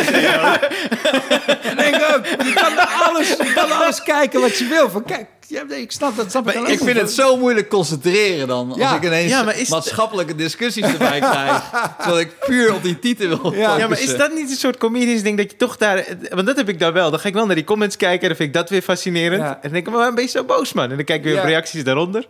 Nou, dan wil ik toch even iets voor, eh, over porno nog even zeggen. Wat is er aan de hand met zoveel eh, eh, eh, kleine jongens en stiefmoeders? Ja, dat is mij ook opgevallen. Ik vind het echt eh, dat je denkt, want dit is niet een... Ja, want ik heb er ook nooit op geklikt of zo. Het, het wordt mij aangeboden zonder Ja, dat... dat je strot er wordt niet mijn algoritme wordt gevolgd. Zo echt niet. Ik, Nee, ik merkte echt dat de, de- een algemene trend... Ja, Ik wil... fucked up families eh heet dat geloof ik. Ja, ze wil wil zo expliciet benoemen. onze luisteraars. Ja, Ja, ja, ja. waarom is dat? Ja, er zijn blijkbaar wel veel mensen, ik neem aan, die het dan toch kijken. Want Ja, waarom ja. wordt het dat dan denk ik ook. aangeboden? Dat denk ik Zeker. ook. Maar ik vind het altijd zo... En leuk- zijn dat diezelfde mensen die negatief zijn over Stevie Wonder, die iets zingt voor zijn, voor zijn overleden vriend. wel Verschrikkelijk. grappig Oh, zijn, maar dat- ik, nog steeds. Maar dat is iets waar ik gewoon niet... Ik kan er niet bij. Maar ja, feit is dat eh, eh, functioneren in een wereld die niet helemaal ontworpen is naar jouw specifieke smaak, roept gewoon sowieso heel veel spanning op voor ons allemaal. Nee, dat klopt. Maar als iets een alge- allemaal moeten wij die Hey, spanning. maar als iets een algemene Ja, trend ja. is, dan ga ik nadenken. Want ik zie, dit heus, ik zie heus wel dat er meerdere filmpjes zijn waarin echt kleine, echt, dat zijn kleine jongens. Ja? Dat is niet eens. Nee, maar wel. Doen ze wel een volwassenen overhemd zien er dan. Nee, man, er die zien er jong. Ze uit. zijn, ja, ze zien er jong uit, maar ze zitten tussen de 18 en 21. Ja, maar toen jij, jij had, was ook perfect geweest Ja, voor die filmpjes echt- toen je echt. 18 was. Echt. En daar komt die frustratie vandaan. Ah, oké. ik heb hier avond aan avond gestaan. Ja, Geen enkele stiefmoeder. Via Comedy Train Management meerdere ingangen gehad. nou, zal ik dat verhaal, vertellen? Ja, ik het gewoon ik onderbrak je. was eigenlijk nog een ander verhaal aan het vertellen. Hè? Ik onderbrak je, sorry. Nee, ik onderbrak eh, jou. Oh ja, nou, maar ik, ik kom op een ander eh, verhaal. Dit Ja. vertelde me Hans Sibbel bij de laatste barbecue toen we, toen we, eh, we hebben zo'n jaarlijks barbecue met Comedy Train. Dus, Oh.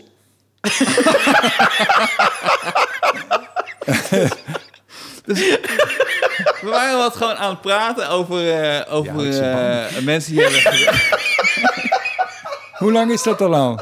Ik weet er echt niets van. Een jaarlijkse barbecue van Ja, Comedy ik Train. probeer er overheen te praten. Dit is een- we hebben nu ineens een probleem.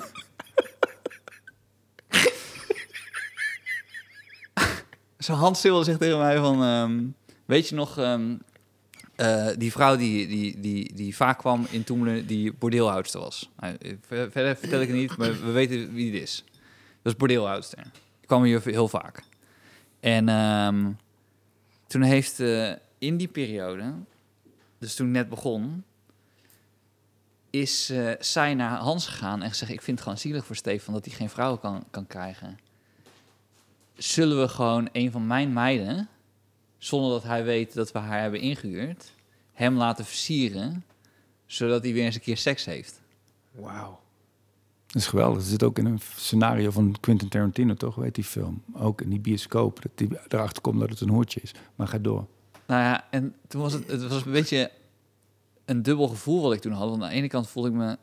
Voel, was ik Maar wist je het? Op het moment wist je toch niet, of wel? Nee, wist ik niet. Nee. Nee, maar ze hebben het, uiteindelijk heeft, heeft Hans gezegd: nee, dat, vind, dat wil ik hem niet aandoen. Oké. En dat was het dubbele gevoel. Dat ik aan de ene kant dus dacht bij mezelf... Hoe triest was ik, weet je? Dat mensen, dat mijn collega's dat dachten. Dat, dat dus... Dat mensen daarover na zijn gaan denken. Dat, dus dat deed wel pijn. En aan de andere kant dacht ik bij mezelf...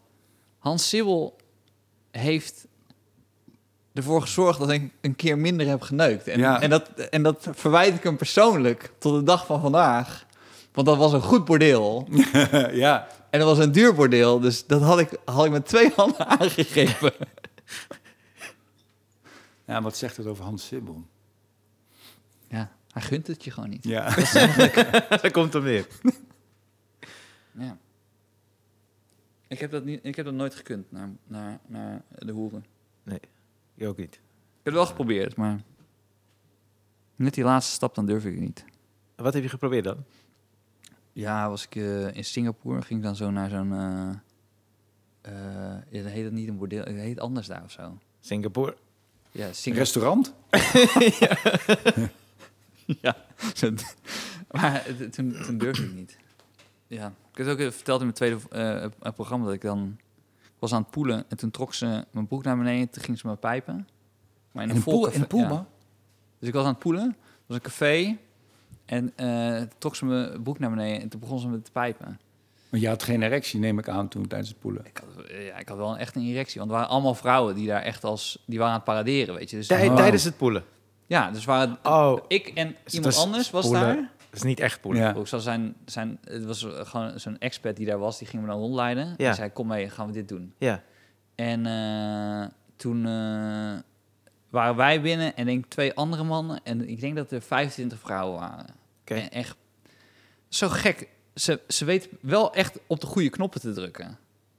Dat, dat je echt als, als man weerloos bent. Weet je, dat, dat, van, van net, dat, net, net dat fluisteren, net dat uh, sabbel aan het oor. Dat je denkt, eh, dat je denkt nee, zo dat Odysseus gevoel van, ah, dit kan niet. En toen was ik aan het poelen en toen dacht zo'n meisje, dit duurt gewoon te lang. En toen trok ze gewoon alles naar beneden en toen begon ze te pijpen. En toen, toen, ja, toen ben ik ja, gewoon, gewoon weggelopen. En ik dacht, ik moet gewoon meteen naar mijn hotel. Oh, wauw. Ja. Goed verhaal. Ja, ik weet niet, in Ja? de NRC of je dan vier sterren had gekregen. Oh, wauw. En toen, maar dat, die vrouw die, die, die bleef daarachter, neem ik aan. Ja, ja. Oké. En, eh, hoe, lang, hoe lang duurde dit? Ik denk dat het vijf seconden duurde. Vijf seconden. Oh, dus jij had gewoon meteen zoiets van Dat nee. is best wel lang, vijf seconden. Ja. Eén, Nee, ze was ook... Ja, maar, twee, drie, vier. En nu Vijf. dan nee. Ja, ja. Je had ook na twee seconden nee kunnen zeggen, hè? Wacht even. Was het wel vijf seconden? Nee, maar het is ook niet dat ik zo klaar stond om, om, om te, te, te, te poelen. Het was Nee. zeggen, je staat te kijken en iemand is bezig en gaat naar beneden. En je weet eigenlijk wel wat er gaat gebeuren. Ja. Je hebt gewoon die secondes nodig om te denken, ja, dit gebeurt nu echt. ja, want je staat voor een pooltafel. Is dat een beetje wat je Nee, bedoelt? ja, er was gewoon een vol café. ja. Maar goed, Maar al met die allemaal meiden, vrouwen. Ja, met allemaal vrouwen die, dit, die dachten van ja, nou ja. We gaan niet oké. poelen. Gaan ja, dat is het laatste wat we willen doen. Ja. Hmm. Maar jullie hebben nooit die verleiding opgezocht om naar de hoeren te gaan of dicht bij de hoeren? Of... Nee, niet. eh, ik heb wel een keer eh, een, eh, vriend van me die, die zat bij de UvA. Studeerde en dan liepen we zo via de wallen terug naar het station. En toen kwam er dus uit een van die kamers een, een gast met wie ik studeerde. Ja. Die was dus net bij de hoeren geweest. En hij komt zo uit die deur en hij ziet mij. En hij schaamt zich. En toen, uit een soort reflex, kwam hij naar me toe. En toen gaf hij mijn hand en zei hij, hey, maar eh, ik ken haar hoor. Dus eh alsof dat dan een soort van, oh nee, oké, dan is dit toch gewoon normaal of zo. Ik weet, het was heel gek hoe hij zegt, zeg maar... Eh, eigenlijk zegt hij daar van, eh, ik kom hier heel vaak. ja, dat zo, eigenlijk ik krijg korting of zo. Ik weet niet, het was heel, heel gek, want ik vroeg hem ook niks. Ik, ik dacht, ja, oké. Maar hij kwam naar me toe. en Ik heb wel iets gehad met een meisje en die had in de prostitutie gezeten. En die deed, dat was zo he, dat is het heftigste wat ik ooit gehoord heb. Die deed hele heavy, kinky dingen. En die had een man, een, een andere zakenman was dat. En die kwam dan bij haar en dan moest zij, ja, het is te grove woorden, ik weet niet of ik het wel moet vertellen. Die, die, daar moest zij met naald en draad zijn voorhuid dicht naaien, bo- boven zijn eikel. En dan Ja. ging ze bij hem proberen om een erectie te bewerkstelligen. En dat het dan net wel of net niet knapte. Dat soort dingen. Heb je nu ook dat je je bewust bent van je piemel? Ja. Dan voel je het. Ja, Ik had al een tijdje. Nee, maar ik heb dat ook met kleding. Weet je, je Ja. voelt je kleding niet totdat je Ja, ja, iemand zegt: hey, leuk shirt. Klopt, ja. En eigenlijk wil ik ook even dat je hem vast, even vast, je moet ook even vasthouden. Laat hem even vasthouden. Ja, dat doe ik wel zo als je dingen ziet, toch? Ja, Iemand vertelt zo oh, goed, je... dit gaat niet over jou. Ja, Dit Ja, hoeft ja, niet. ja. ja. Zo, wij zijn- cool, maar dit gaan we niet... eh, Oh. niemand betalen hiervoor. Ja. Is het tijd voor de questionnaire? Ehm, Ik dacht dat Stefan er heel goed in was eh, in eh, de tijd. eh. Ja, dacht ik ook. ja, ik denk dat we nu wel op een uur zitten, toch? Ja. Sorry. Kijk, daar ben ik er toch beter in geworden, Theo. Ja, Want je vroeg of ik andere Mooi, dingen... ja. Nou, mag ik nog heel even, toch? Ik heel ontwikkel even, ja. heel even een, een beetje rondmaken om, eh, om, om heel even af te ronden voor, voor het corona-gedoe. Dus wat je denkt, eh, gewoon qua, qua schrijven, wat je, want het is heel raar om nu te gaan schrijven voor Ja. iets. Ja, maar toch wil ik dat gaan doen. Dat is wel Ja? nu mijn plan. Ik denk, eh, mijn plan was natuurlijk om hier te, te spelen, dingetjes uit te Mhm. proberen. En ik denk nu wel van, eh, ik ga nu proberen toch, toch iets te maken en to- gewoon te schrijven en kijken wat er dan gebeurt. En het zal ook iets opleveren. En het Maar zou je dan wel bijvoorbeeld eh, social media omarmen? Want dan Nee, kan je je, nee, je publiek nee. ineens vinden. Nee, want eh, wat wel grappig was, is dat ik al een titel had voor mijn nieuwe show.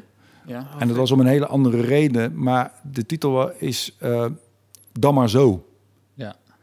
En nu betekent dat iets heel anders. En is dat gein. Nee, Ja. man, ik wil huiskamers gaan spelen. Het maakt me niet uit. Ik wil eh, bij Ja. mensen voor de, de, de voordeur. En dan eh, daar wat gaan doen. En dan, Maar dan alle, maar zo. alle voorbeelden die, die je noemt zijn allemaal dus, want je hoort dus ook van, van collega's en andere comedyclubs die dus eh, via, via, via internet het uitzenden voor mensen die thuis zitten. Maar je wil zo, sowieso, al zitten ze anderhalve meter uit elkaar, het moet sowieso live Ja. voor het publiek. Ja, Maar wij zijn ook een contactberoep. Ik hoorde Vind ik ook, auto vind het ik ook. over contactberoepen. Wij zijn ook een contactberoep. Nee. Ja. Maar zou jij dus eh, voor, z- zoals eh, eh, Kleine Comedie wil bijvoorbeeld zijn voorstellingen in Carré gaan doen? Ja. Zodat ze verspreid kunnen zitten, maar dat wel alle 450 Oh, ja. kaarten verkocht kunnen worden en dan zitten ze daar verspreid. Ja. Zou je dat eerder op gaan zoeken? Of zou je denken, nou, nee, dan, ga ik het, dan ga ik het echt knus opzoeken voor zes, zeven mensen in dus bijvoorbeeld een woonkamer. Dat zou En ik het- misschien eerder doen, ja. ja.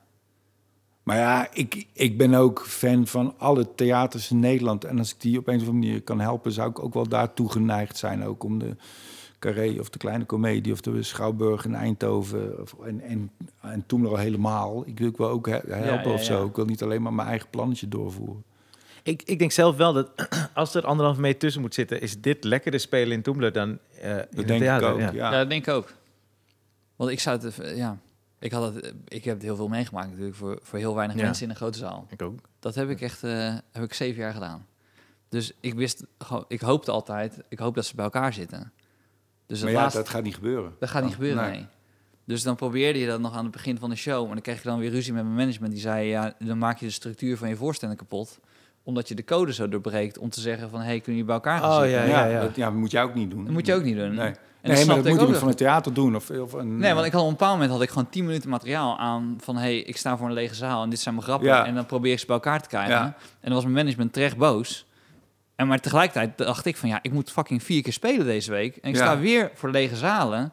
Als ik mijn week door wil komen zonder mijn polsen door te snijden, wil ik gewoon bijna sympathie krijgen uit het feit van kom even bij elkaar zitten en nu begin ik de show. Ja, ja, tuurlijk. Ja. Terwijl dat artistiek is dat gewoon ja, dan schiet je gewoon in je eigen doel. Want dan Nou, over eigen doel gesproken. Met voetballen willen ze natuurlijk ook misschien in lege stadions gaan voetballen.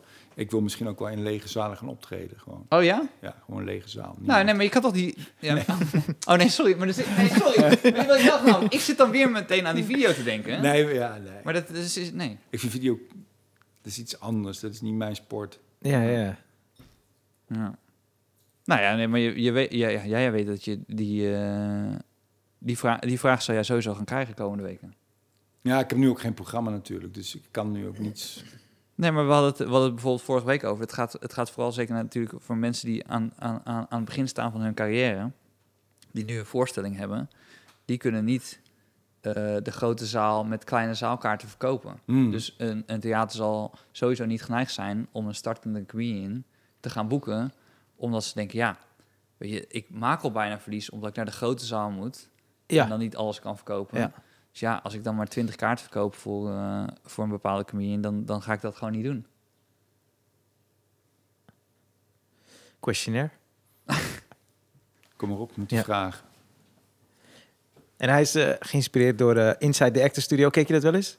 Ja, dat is met, met, met, met, het vieze baardje. Die, Ja, het vieze baardje, heeft, ja. eh, James Lipton. slijmbal, weet je. Ik vind het een slijmbal. Ja, hij is eh, eh, inmiddels eh, overleden. Ah, dus, toffe vent. ja, Ja. toffe vent. Hele, hele goede gast. Ja. twee maanden. Mooie, mooie kerel ook. Ja. Mooie baard. Ja. Ja. Ja. Wat is- Pekel. Maar de, de Han Pekel van de Amerikaanse interviews vind ik Maar het. is het geïnspireerd of is het gewoon gestolen? Eh, is het hetzelfde? Exact nou, hetzelfde? er zijn dus twee versies. Want Bernard Pivot, die heeft ooit eh, eh, tien vragen opgesteld. Misschien waren het zelfs niet meer. En hij heeft er vervolgens eh, tien een beetje aangepast. Ja. En ik heb eigenlijk, sinds hij is overleden, want we hebben ook wel eens de originele gepakt. Maar sinds hij is overleden, als een soort eerbetoon aan, aan hem ook, doen we de tien vragen Ja, van ja, want eh, jij hebt hem ho- heel hoog zitten. Ik heb hem behoorlijk hoog zitten. eerbetoon... eh, Ja. Er zijn allemaal mensen die zijn overleden waar een eerbetoon aan zou kunnen doen. Maar jij doet het specifiek. eh, James. Lipton, dat Ja. is gewoon degene aan wie ik een Ja. wil doen. Ja, oké. Oké. wat, is, wat is je favoriete woord?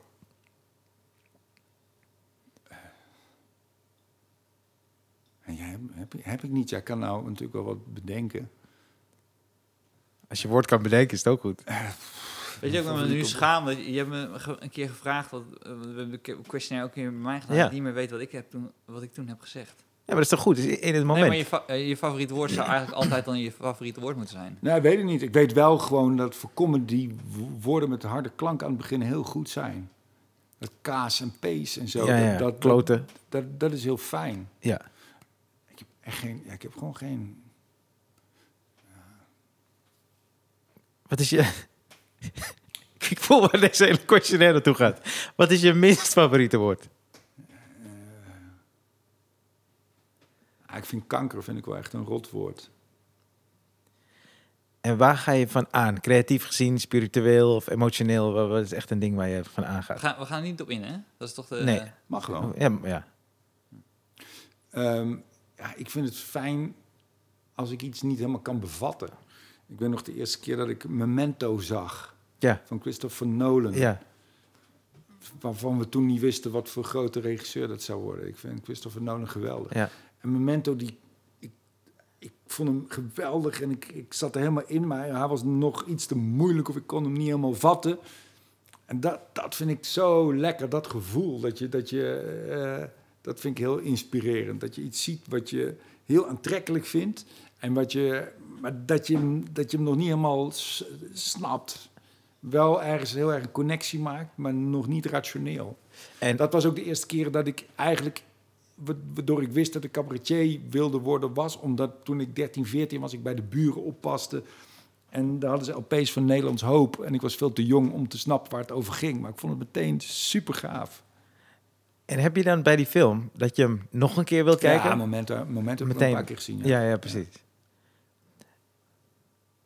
Wat is, eh, eh, ja, waar ga je dan juist van uit? Dat dat is echt een soort afknapper of zo. Ja, er zijn een paar, wel een paar dingen. Ik- alles wat nostalgisch is, vind ik lelijk. In muziek en in, in, in alles, een nostalgie en, en, en alles wat, wat ehm, en gezellig, wat gezellig is en wat, wat eh, ik kan eigenlijk ook niet tegen dingen die geruststellend zijn. Ik heb heel vaak het idee dat als je een keuze maakt, artistieke keuze maakt, is heel vaak een keuze tussen geruststelling en verontrusting. Ja. En bijna altijd is de verontrustende keuze de- de- volgens mij de beste keuze. Wat het Maar- soms ingewikkeld maakt in verwarrende tijden, omdat mensen dan zo'n behoefte hebben aan geruststelling. Mensen hebben heel vaak behoefte aan geruststelling. Ik begin soms mijn voorstelling en dan voel ik gewoon hoe mensen, hoe graag mensen willen horen van, hallo mensen, hebben jullie er zin in? Ik wel, hey! En dat, maar dat wil, ik, dat wil ik dan niet. Ik- Omdat ik het lelijk vind, omdat ik daar zelf heel erg op afknap. Ik wil heel anders beginnen. Dus soms worstel ik daar wel mee, maar ik wi- wil dat, wil dat niet. Dus Ja. die geruststelling van oké, het is allemaal goed en we weten wat er aan de hand is en we zitten allemaal, alle neuzen staan één kant op en dat vind ik, daar knap ik op af. Ja, want er zijn... Ah, so- Sorry, maar ja, ik heb, ik heb, ik, ja, nee, ga je, ga je eerst maar. Ga je maar. Oh, nee, want er zijn heel veel mensen die naar show komen die denken, oh, dit wordt gezellig. Ja, Denk ik. gezellig. Ja. Dat het woord is wat de mensen. ja, nou ja, ik heb het, maar ik heb het over mezelf. Ja, ik weet, niet Ja, nee, mensen- weet ik, ik weet nooit hoe mensen Nou, kijken naar nou, wat ik ja, ja. maak. Wat ik, wat ik, wat ik, wat ik eh, eh, eigenlijk over wil vragen of jullie dat ook zo voelen. Dat als je nu tegenwoordig iets maakt wat absoluut is, Dus waarin je dus als theatermaker een keuze maakt om de slechterik te zijn. eh, of de absurdist, of eh, nou, absurdist, eh, laten we gewoon vooral slechterik te zijn. Dat mensen net die, niet die schakel meer kunnen maken. Dat dat het personage op het podium is. Mm. Dat de slechterik extra groot maakt. Zodat die emotie bij jou heftiger binnenkomt. En dat je heel vaak, wat ik veel merk bij collega's, is dan de vervlakkende vorm kiezen van mijn buurman is zo. Ja. En hij zei het tegen mij. Ja. ik denk, maar, maar dit, jij hebt het bedacht. Dus in principe, jij bent ook die buurman. Alleen je gaat uit de weg door Ja. het ineens af te schuiven op die buurman. Maar het is weer sociaal geaccepteerde vanuit het publiek. Dat ze denken, ja, nee, die buurman is gek. Wij zijn allemaal oké. Maar het is zelfs de beste comedians, Bill Burr, zelfs dat soort mensen, die als ze iets heftigs gaan zeggen, zeggen ze vaak van ja, deze grap Ja. gaat de zaal in tweeën splitsen. Ja, ja, ja. Hè, zelfs Doug Stanhope doet het. Dat vind ik altijd zo flauw. Zeg het gewoon het en laat En de zaal in tweeën splitsen. Want door dat te zeggen splitst hij al niet. Of, of denken mensen, oh nee, maar ik zit bij die kant die dat niet verafschuurt. En ik vind het zo op safe spelen. Maar dat is wel denk ik zo'n moment, als je dat, als je dat eh, eh, kan... en ik weet, ik weet zelf, ik kan niet over mezelf zeggen dat ik het zou, zou kunnen... is dat het, punt dat je kan zeggen, dan ben je autonoom. Dan hebben we het over die 7, 8 jaar of 10 jaar... dat je hebt gewerkt naar je eigen stem. Heeft, ik denk dat dat ermee te maken heeft dat je denkt... nou ja, weet je wat, dit is gewoon wat het is... en ik doe het omdat ik wil dat die emoties bij jou loskomen... Niet omdat ik wil dat jij mij een geweldige gewoon vriend vindt. Nou ja, ik, ik denk, maar het heeft met smaak te maken. Weet je wel? Van, van, eh, waarom ik daar sta, waarom jullie daar staan, is omdat jouw gevoel voor humor beter ontwikkeld is dan de, van de mensen in de zaal. Ja. Dus ze zullen varen op, moeten, in dat geval moeten varen op mijn smaak. Als ik in een restaurant ga Ja. eten, dan kan die kook beter koken dan ik. En ik vertrouw op zijn smaak. En dat, is, dat geldt voor, voor, voor, al, voor al die dingen, zoals bij een arts.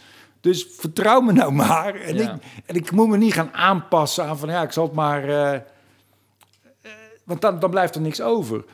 Maar Wat wel, zo- maar wat wel zo is, vind ik, en daarom vind ik cabaret of comedy wel een hele interessante kunstvorm, omdat het ook wel deels er ook toegepaste kunst is. Want ik wil ook begrepen worden en ik wil wel degelijk dat ze lachen.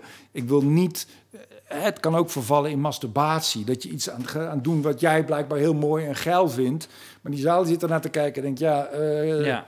dus je moet, je moet ook, tegelijkertijd moet, moet je trouw blijven aan je eigen smaak. En je moet communiceren. Dus, dus, dus daar zit ook misschien een tegenstelling in. Maar dat is, dat is de, de job die je hebt te doen. En als je moet, moet kiezen tussen wat, wat bereik je met je grap, dus eh, de, de eh, intellect of emotie, dan moet het toch altijd emotie zijn? Het is niet dat je... Ja, vind ik ook. Ja, je moet niks... Ik vind het altijd lelijk als ik zie dat iemand iets wil bewijzen. Als iemand wil Ja, bewijzen ja. dat hij slim is... of wil bewijzen dat hij stoer is... of wil bewijzen dat hij aardig is. Dat vind ik ook een afhaakmoment.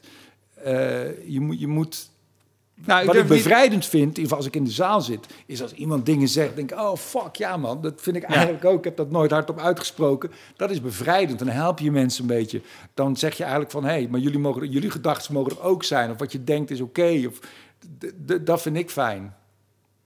Nou, ik, ik, dit is dus de eerste twee voorstellingen, daar heb ik op teruggekeken. Dat ik dacht, oh kut, daar, liep, daar liep ik op stuk. Ja, Dat ik wist, oh, ik speel veel meer richting het hoofd dan richting het hart speel.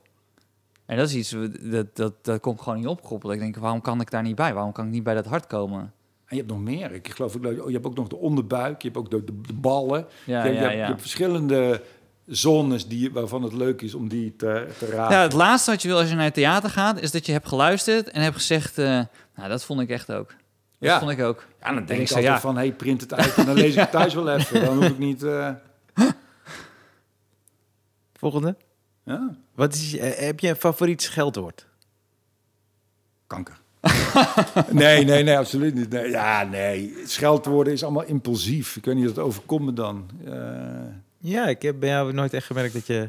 maar ik scheld wel, hoor. Ik doe het allemaal wel. Maar, Ti- Time je het, zeg maar, in je, in je voorstelling? zeg je? Nee. Dus je, je hebt niet dat je denkt bij jezelf, oké, als ik, eh, als ik te vroeg te veel scheldwoorden gebruik, kan ik het daarna niet meer gebruiken. Dat soort, dat soort eh, Nee, nee, hij moet wel doseren, maar dat doe ik Ja. meer intuïtief, niet, Ja. niet met tellen. Ja. Heb je... En ik vind het leuker omdat... Ik ben ook wel een acteur, toch? Ik vind het ook wel leuk om die emoties... Als er heftige emoties aan de hand zijn, om dat te spelen. Ja. En niet per se om die woorden dan te zeggen. Maar het is voor mij absoluut geen taboe. Ik bedoel, er is één comedian natuurlijk bekend die alleen maar clean material had. En dat was Bill Cosby. En die gooide Ja. en die verkrachtte vrouwen. Dus ik, ik geloof ook niet in, clean mat- material of zo. Heb je een Hij heeft ook lieveling? maximaal uit zijn leven gehaald. Doet hij nog steeds. Heb je een, eh, eh, een lievelingsgeluid? Twee. Dat is een eh, flipperkast. Die, en als je een extra spel krijgt. ja? dat Oh, een goeie. Echt een goeie, ja. En wat ik een heel mooi geluid vind, dat is een heel, zeg maar, basgeluid is een, een, een deur, autoportier wat wordt dichtgegooid in een parkeergarage. Oh, ja, ja, ja. Een hele zware, Zware. bas. ja. Ja. En heeft, vervelend. Dat, je, hebt, je hebt toch zo'n hele moderne auto waarbij die dan langzaam dicht gaat. Dus je hem gooit, dat Ja, laatste ja, stukje zo dicht ja. gaat. is er een geluid, behalve dat geluid, dat je haat? Eh,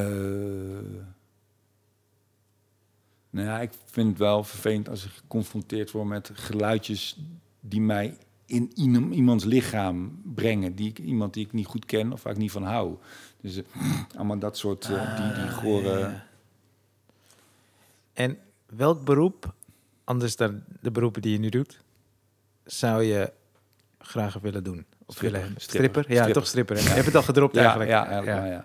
ja. En dan, Nee, ik denk, ik denk dat ik, eh, dat ik, ik vind het leuk dat ik dan toch iets met mijn hand, ik zou graag willen masseren, osteopaat, masseur, haptonoom, aan, me- aan mensen zitten. En dat, is, en dat is sport, want je hebt, je hebt toch al heel hoog ge- gehandbald? Eh, nou, dat valt ook wel mee. Ja, vind ik ook superleuk. Basketbal, handbal, tafeltennis. En ik maak mezelf wijs dat ik, als ik daar echt voor was gegaan, dat ik dan ook heel hoog was gekomen. Maar dat doet volgens mij 50% van de Nederlandse mannelijke bevolking. ja, oké. En eh, wel, welk beroep zou je nooit willen doen? tandarts. Dat lijkt me zo'n... Ja, ik vind ook prima dat het goed betaald wordt. Dat is terecht. ja, het lijkt me zo akelig dat je tijd in Ja. iemands mond zit. Ja. Bij, bij- van, van allerlei soorten mensen. Of eh, eh, uroloog of allemaal... allemaal dat, dat ja, fantastisch man. Petje af. Dat, dat, dat je ook in, steeds in iemands anus moet voelen. Of dat, dat soort dingen zou ik echt helemaal niet fijn Ja, dat wordt gewoon, dat wordt denk ik gewoon, dat, dat wordt iets wat je niet meer associeert met de persoon bij wie je het doet, denk ik. Ja, maar dat wil ik ook niet. Ik wil het ook niet los van elkaar zien. Ik wil Ja. dat ook wel. Wel, eh, alle aanrakingen die je doet. Nee, maar als je bijvoorbeeld ook kan kiezen dat je... Bedoel, eh, het lijkt me ook wel leuk om in tuinen te werken. Nou, nee, maar om, hè, dat je je- met planten... ja. En dat kan ook, hè. Dat is ook een optie. Ja. Maar Maar dat je bij dan in zit in plaats van eh, Ja. In, in, mooi met bloemen en met, met planten en struiken. Dus het masseren houdt op. Bij een bepaald Ja, een punt. bepaald gebied. Ja. Ja. Tot hier. Ja, geen handmatig hoogtepunt. Nee. heb ik ook eh, bij mij op de praktijk. dat staat er. Dit is de laatste vraag. Als de hemel bestaat, wat zou je willen dat God zegt als je staat bij de hemelpoort? Ja. Ja, is dat niet... Ja, ik, ik kan geen origineel antwoord bedenken. Is dat niet van... Toch dat je... Dat vind ik altijd zo mooi. Dat, dat, dat je... Bij het Eurovisie Songfestival heb je altijd... Als je dan... Degene die gewonnen heeft... Die mag hem dan op het laatste Nog nog een een, keer. zingen. Ja. Maar weet dat hij gewonnen heeft. En dat alles goed is gekomen. En dan met die energie en die wetenschap... Het dan nog een keer mogen, nog Ah, een ja. keer mogen doen. Dus uiteindelijk weer allemaal, denk ik, horen toch van... Je hebt, Je hebt het goed gedaan. Het is oké. Je hebt fouten gemaakt, en, en je hebt, maar je hebt, het, je hebt het goed gedaan. Dus het is oké. Maar dat gaat er niet gebeuren. Maar welke versie bij het Songfestival vind je mooier? Die versie. Ja, het is Ja? altijd veel beter. Ja? Eh, Ik, soms dat ik die spanning of zo wel interessant vind om te zien. Dat hij het niet weet. Ja, dat heb ik eigenlijk ook hoor. Ik, heb, ik, vind, ik kijk ook omdat ik wil weten hoe gaat hij met die druk om. Ja, Want er zijn ook bijvoorbeeld mensen waarvan ik weet, die vind ik heel grappig, maar als het erop aankomt, als ze echt onder druk staan, dan, dan, dan slaan ze dicht. over comedians heb je Ja. het nou. Ja, En eh, dat is, ja, ik weet niet, ik vind, het, ik vind het deel van het spel waar ik naar kijk. Dat je, dat je ook een... eh, een, een ja maar het is wel interessant, zeker. Het is heel interessant om te zien. Ja, bij sommige mensen haalt het ook wel het beste naar boven. Ik denk wel dat dat zo is, ja. En bij sommigen niet. En bij try-outs, als je try-out en je weet nog niet welke kant het op zou gaan, is dat dan, geeft dat jou meer voldoening? Of als het eenmaal af is en je weet gewoon, oké, dit werkt. Nee, try-out geeft wel meer voldoening Ja, als het goed Ja. gaat, ja. Maar dan permitteer ik me Ja. ook wel de vrijheid om niet te oordelen. Dat is wel wat ik geleerd heb. Ik ga niet oordelen. Ik ga mijn best doen. En eh er zullen Ja. goede dingen gebeuren en slechte dingen. En die zal ik proberen zo goed mogelijk te selecteren naar de hand. Maar ik ga mezelf niet op mijn kop geven. Of, eh, Ja, ik snap je wel. Want uiteindelijk, als je weet hoe je hem het beste speelt... dat is ook hoe je hem wil zien dan. Ja, Dus dan weet je dat hij zo werkt misschien. Of tenminste, maar dat kan niet in het begin. nee, nee, precies. Maar het kan wel een hele toffe avond zijn. Ik Ja. kijk nou ook naar de Voice Kids met mijn kinderen. En dan, heb je dat, dan moeten die kinderen dat dus niet te doen, vind ik. Dan moeten die kinderen presteren. Ja. Ja. Dat is eigenlijk Maar het werkt wel op je emoties, toch? ontzettend. Ja. Ik heb, ik heb Florida wel eens van gezien, maar ik merkte altijd dat ik bij mezelf... Oh, ik hoop dat ze kan zingen. Of, Ja, Ja, ja, en, dan, oh, En dan, moet, dan ouders moet de jury gaan kiezen. En dan Ja. kiezen één meisje. En dan zie je ook hoe kinderen met teleurstelling omgaan. Ja. Sommigen kunnen dat hartstikke goed en die blijven... Maar het is altijd dapper. Er wordt altijd iets weggeduwd. Een bepaald eh, negatief gevoel wordt weggeduwd. Want ze weten dat er camera's op staan. En, en dan rennen ze door zo'n deurtje. En staan die ouders storen. En zeggen, je hebt het goed gedaan hoor, je hebt het goed gedaan. Wat, wat God dan op het laatste Ja, ja, het goed ja, gedaan. Maar die ouders balen ook natuurlijk. Ja. Het, is, oh, het is hartverscheurend. Ja, ik zou... Ja, ik weet niet. Of ik dat, of ik dat mijn kind in zo'n situatie neer zou zetten. Ja, maar jij, je hoeft niet, jouw kinderen zullen zeker niet kunnen zingen. Articuleren, daar hoop ik, daar hoop ik op. Dat zou ook heel wat zijn. Als ze verstaanbaar kunnen praten, dan, dan zou een godsgeschenk zijn. Dat wordt mijn tolk later. In een bejaardenhuis zit nou.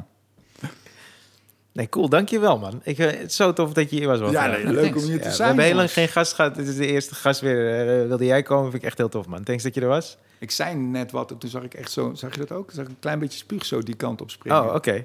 Maar het kwam ongeveer tot daar. Dus het is toch goed, die anderhalve Die meter. anderhalve meter is toch wel goed, ja. Maar ik dacht wel, want ik fietste la- laatst op straat... en toen hoorde ik iemand heel ver voor mij niezen. Maar de wind stond zo. Toen dacht ik, volgens mij kan snot kan Ja. 10 meter Ah, Zeker. Dat denk ik ook. verplaatsen... Ja. als je wind precies die kant Ja, op staat. Toen heb ik me helemaal mijn- mijn Adem lang ook ingehouden? adem lang Ja. ingehouden. Maar dat is toch, je, je niest toch ook met, met, met honderden kilometers Ja, per uur? Nino, ja, 120, 140 km. Ik weet niet hoe snel jij was met je. Hoe is jullie persoonlijke hygiëne nu? Want je hoeft niet zo fris te ruiken nu ook, hè? Ja, dat Heb dacht je- ik me heb ook. jij- doe jij hetzelfde?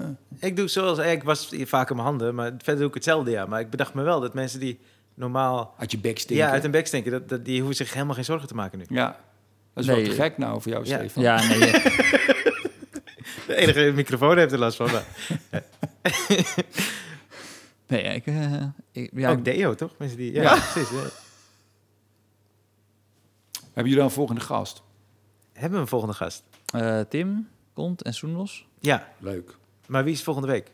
Weet, of staat die vast? dat weet ik nee, even dat- niet. nou, dat eh, is voor iedereen een verrassing. Ja, Maar in ieder geval, deze week hadden we Theo Maas. Ja, Tof dat je leuk. er was. jongens. man. Dank dat Dankjewel. jullie mij uh, Thanks, man. uitnodigen. Nee, man. Thanks voor komen. Ja, cool. en bedankt voor het luisteren en tot een volgende. Tot volgende week.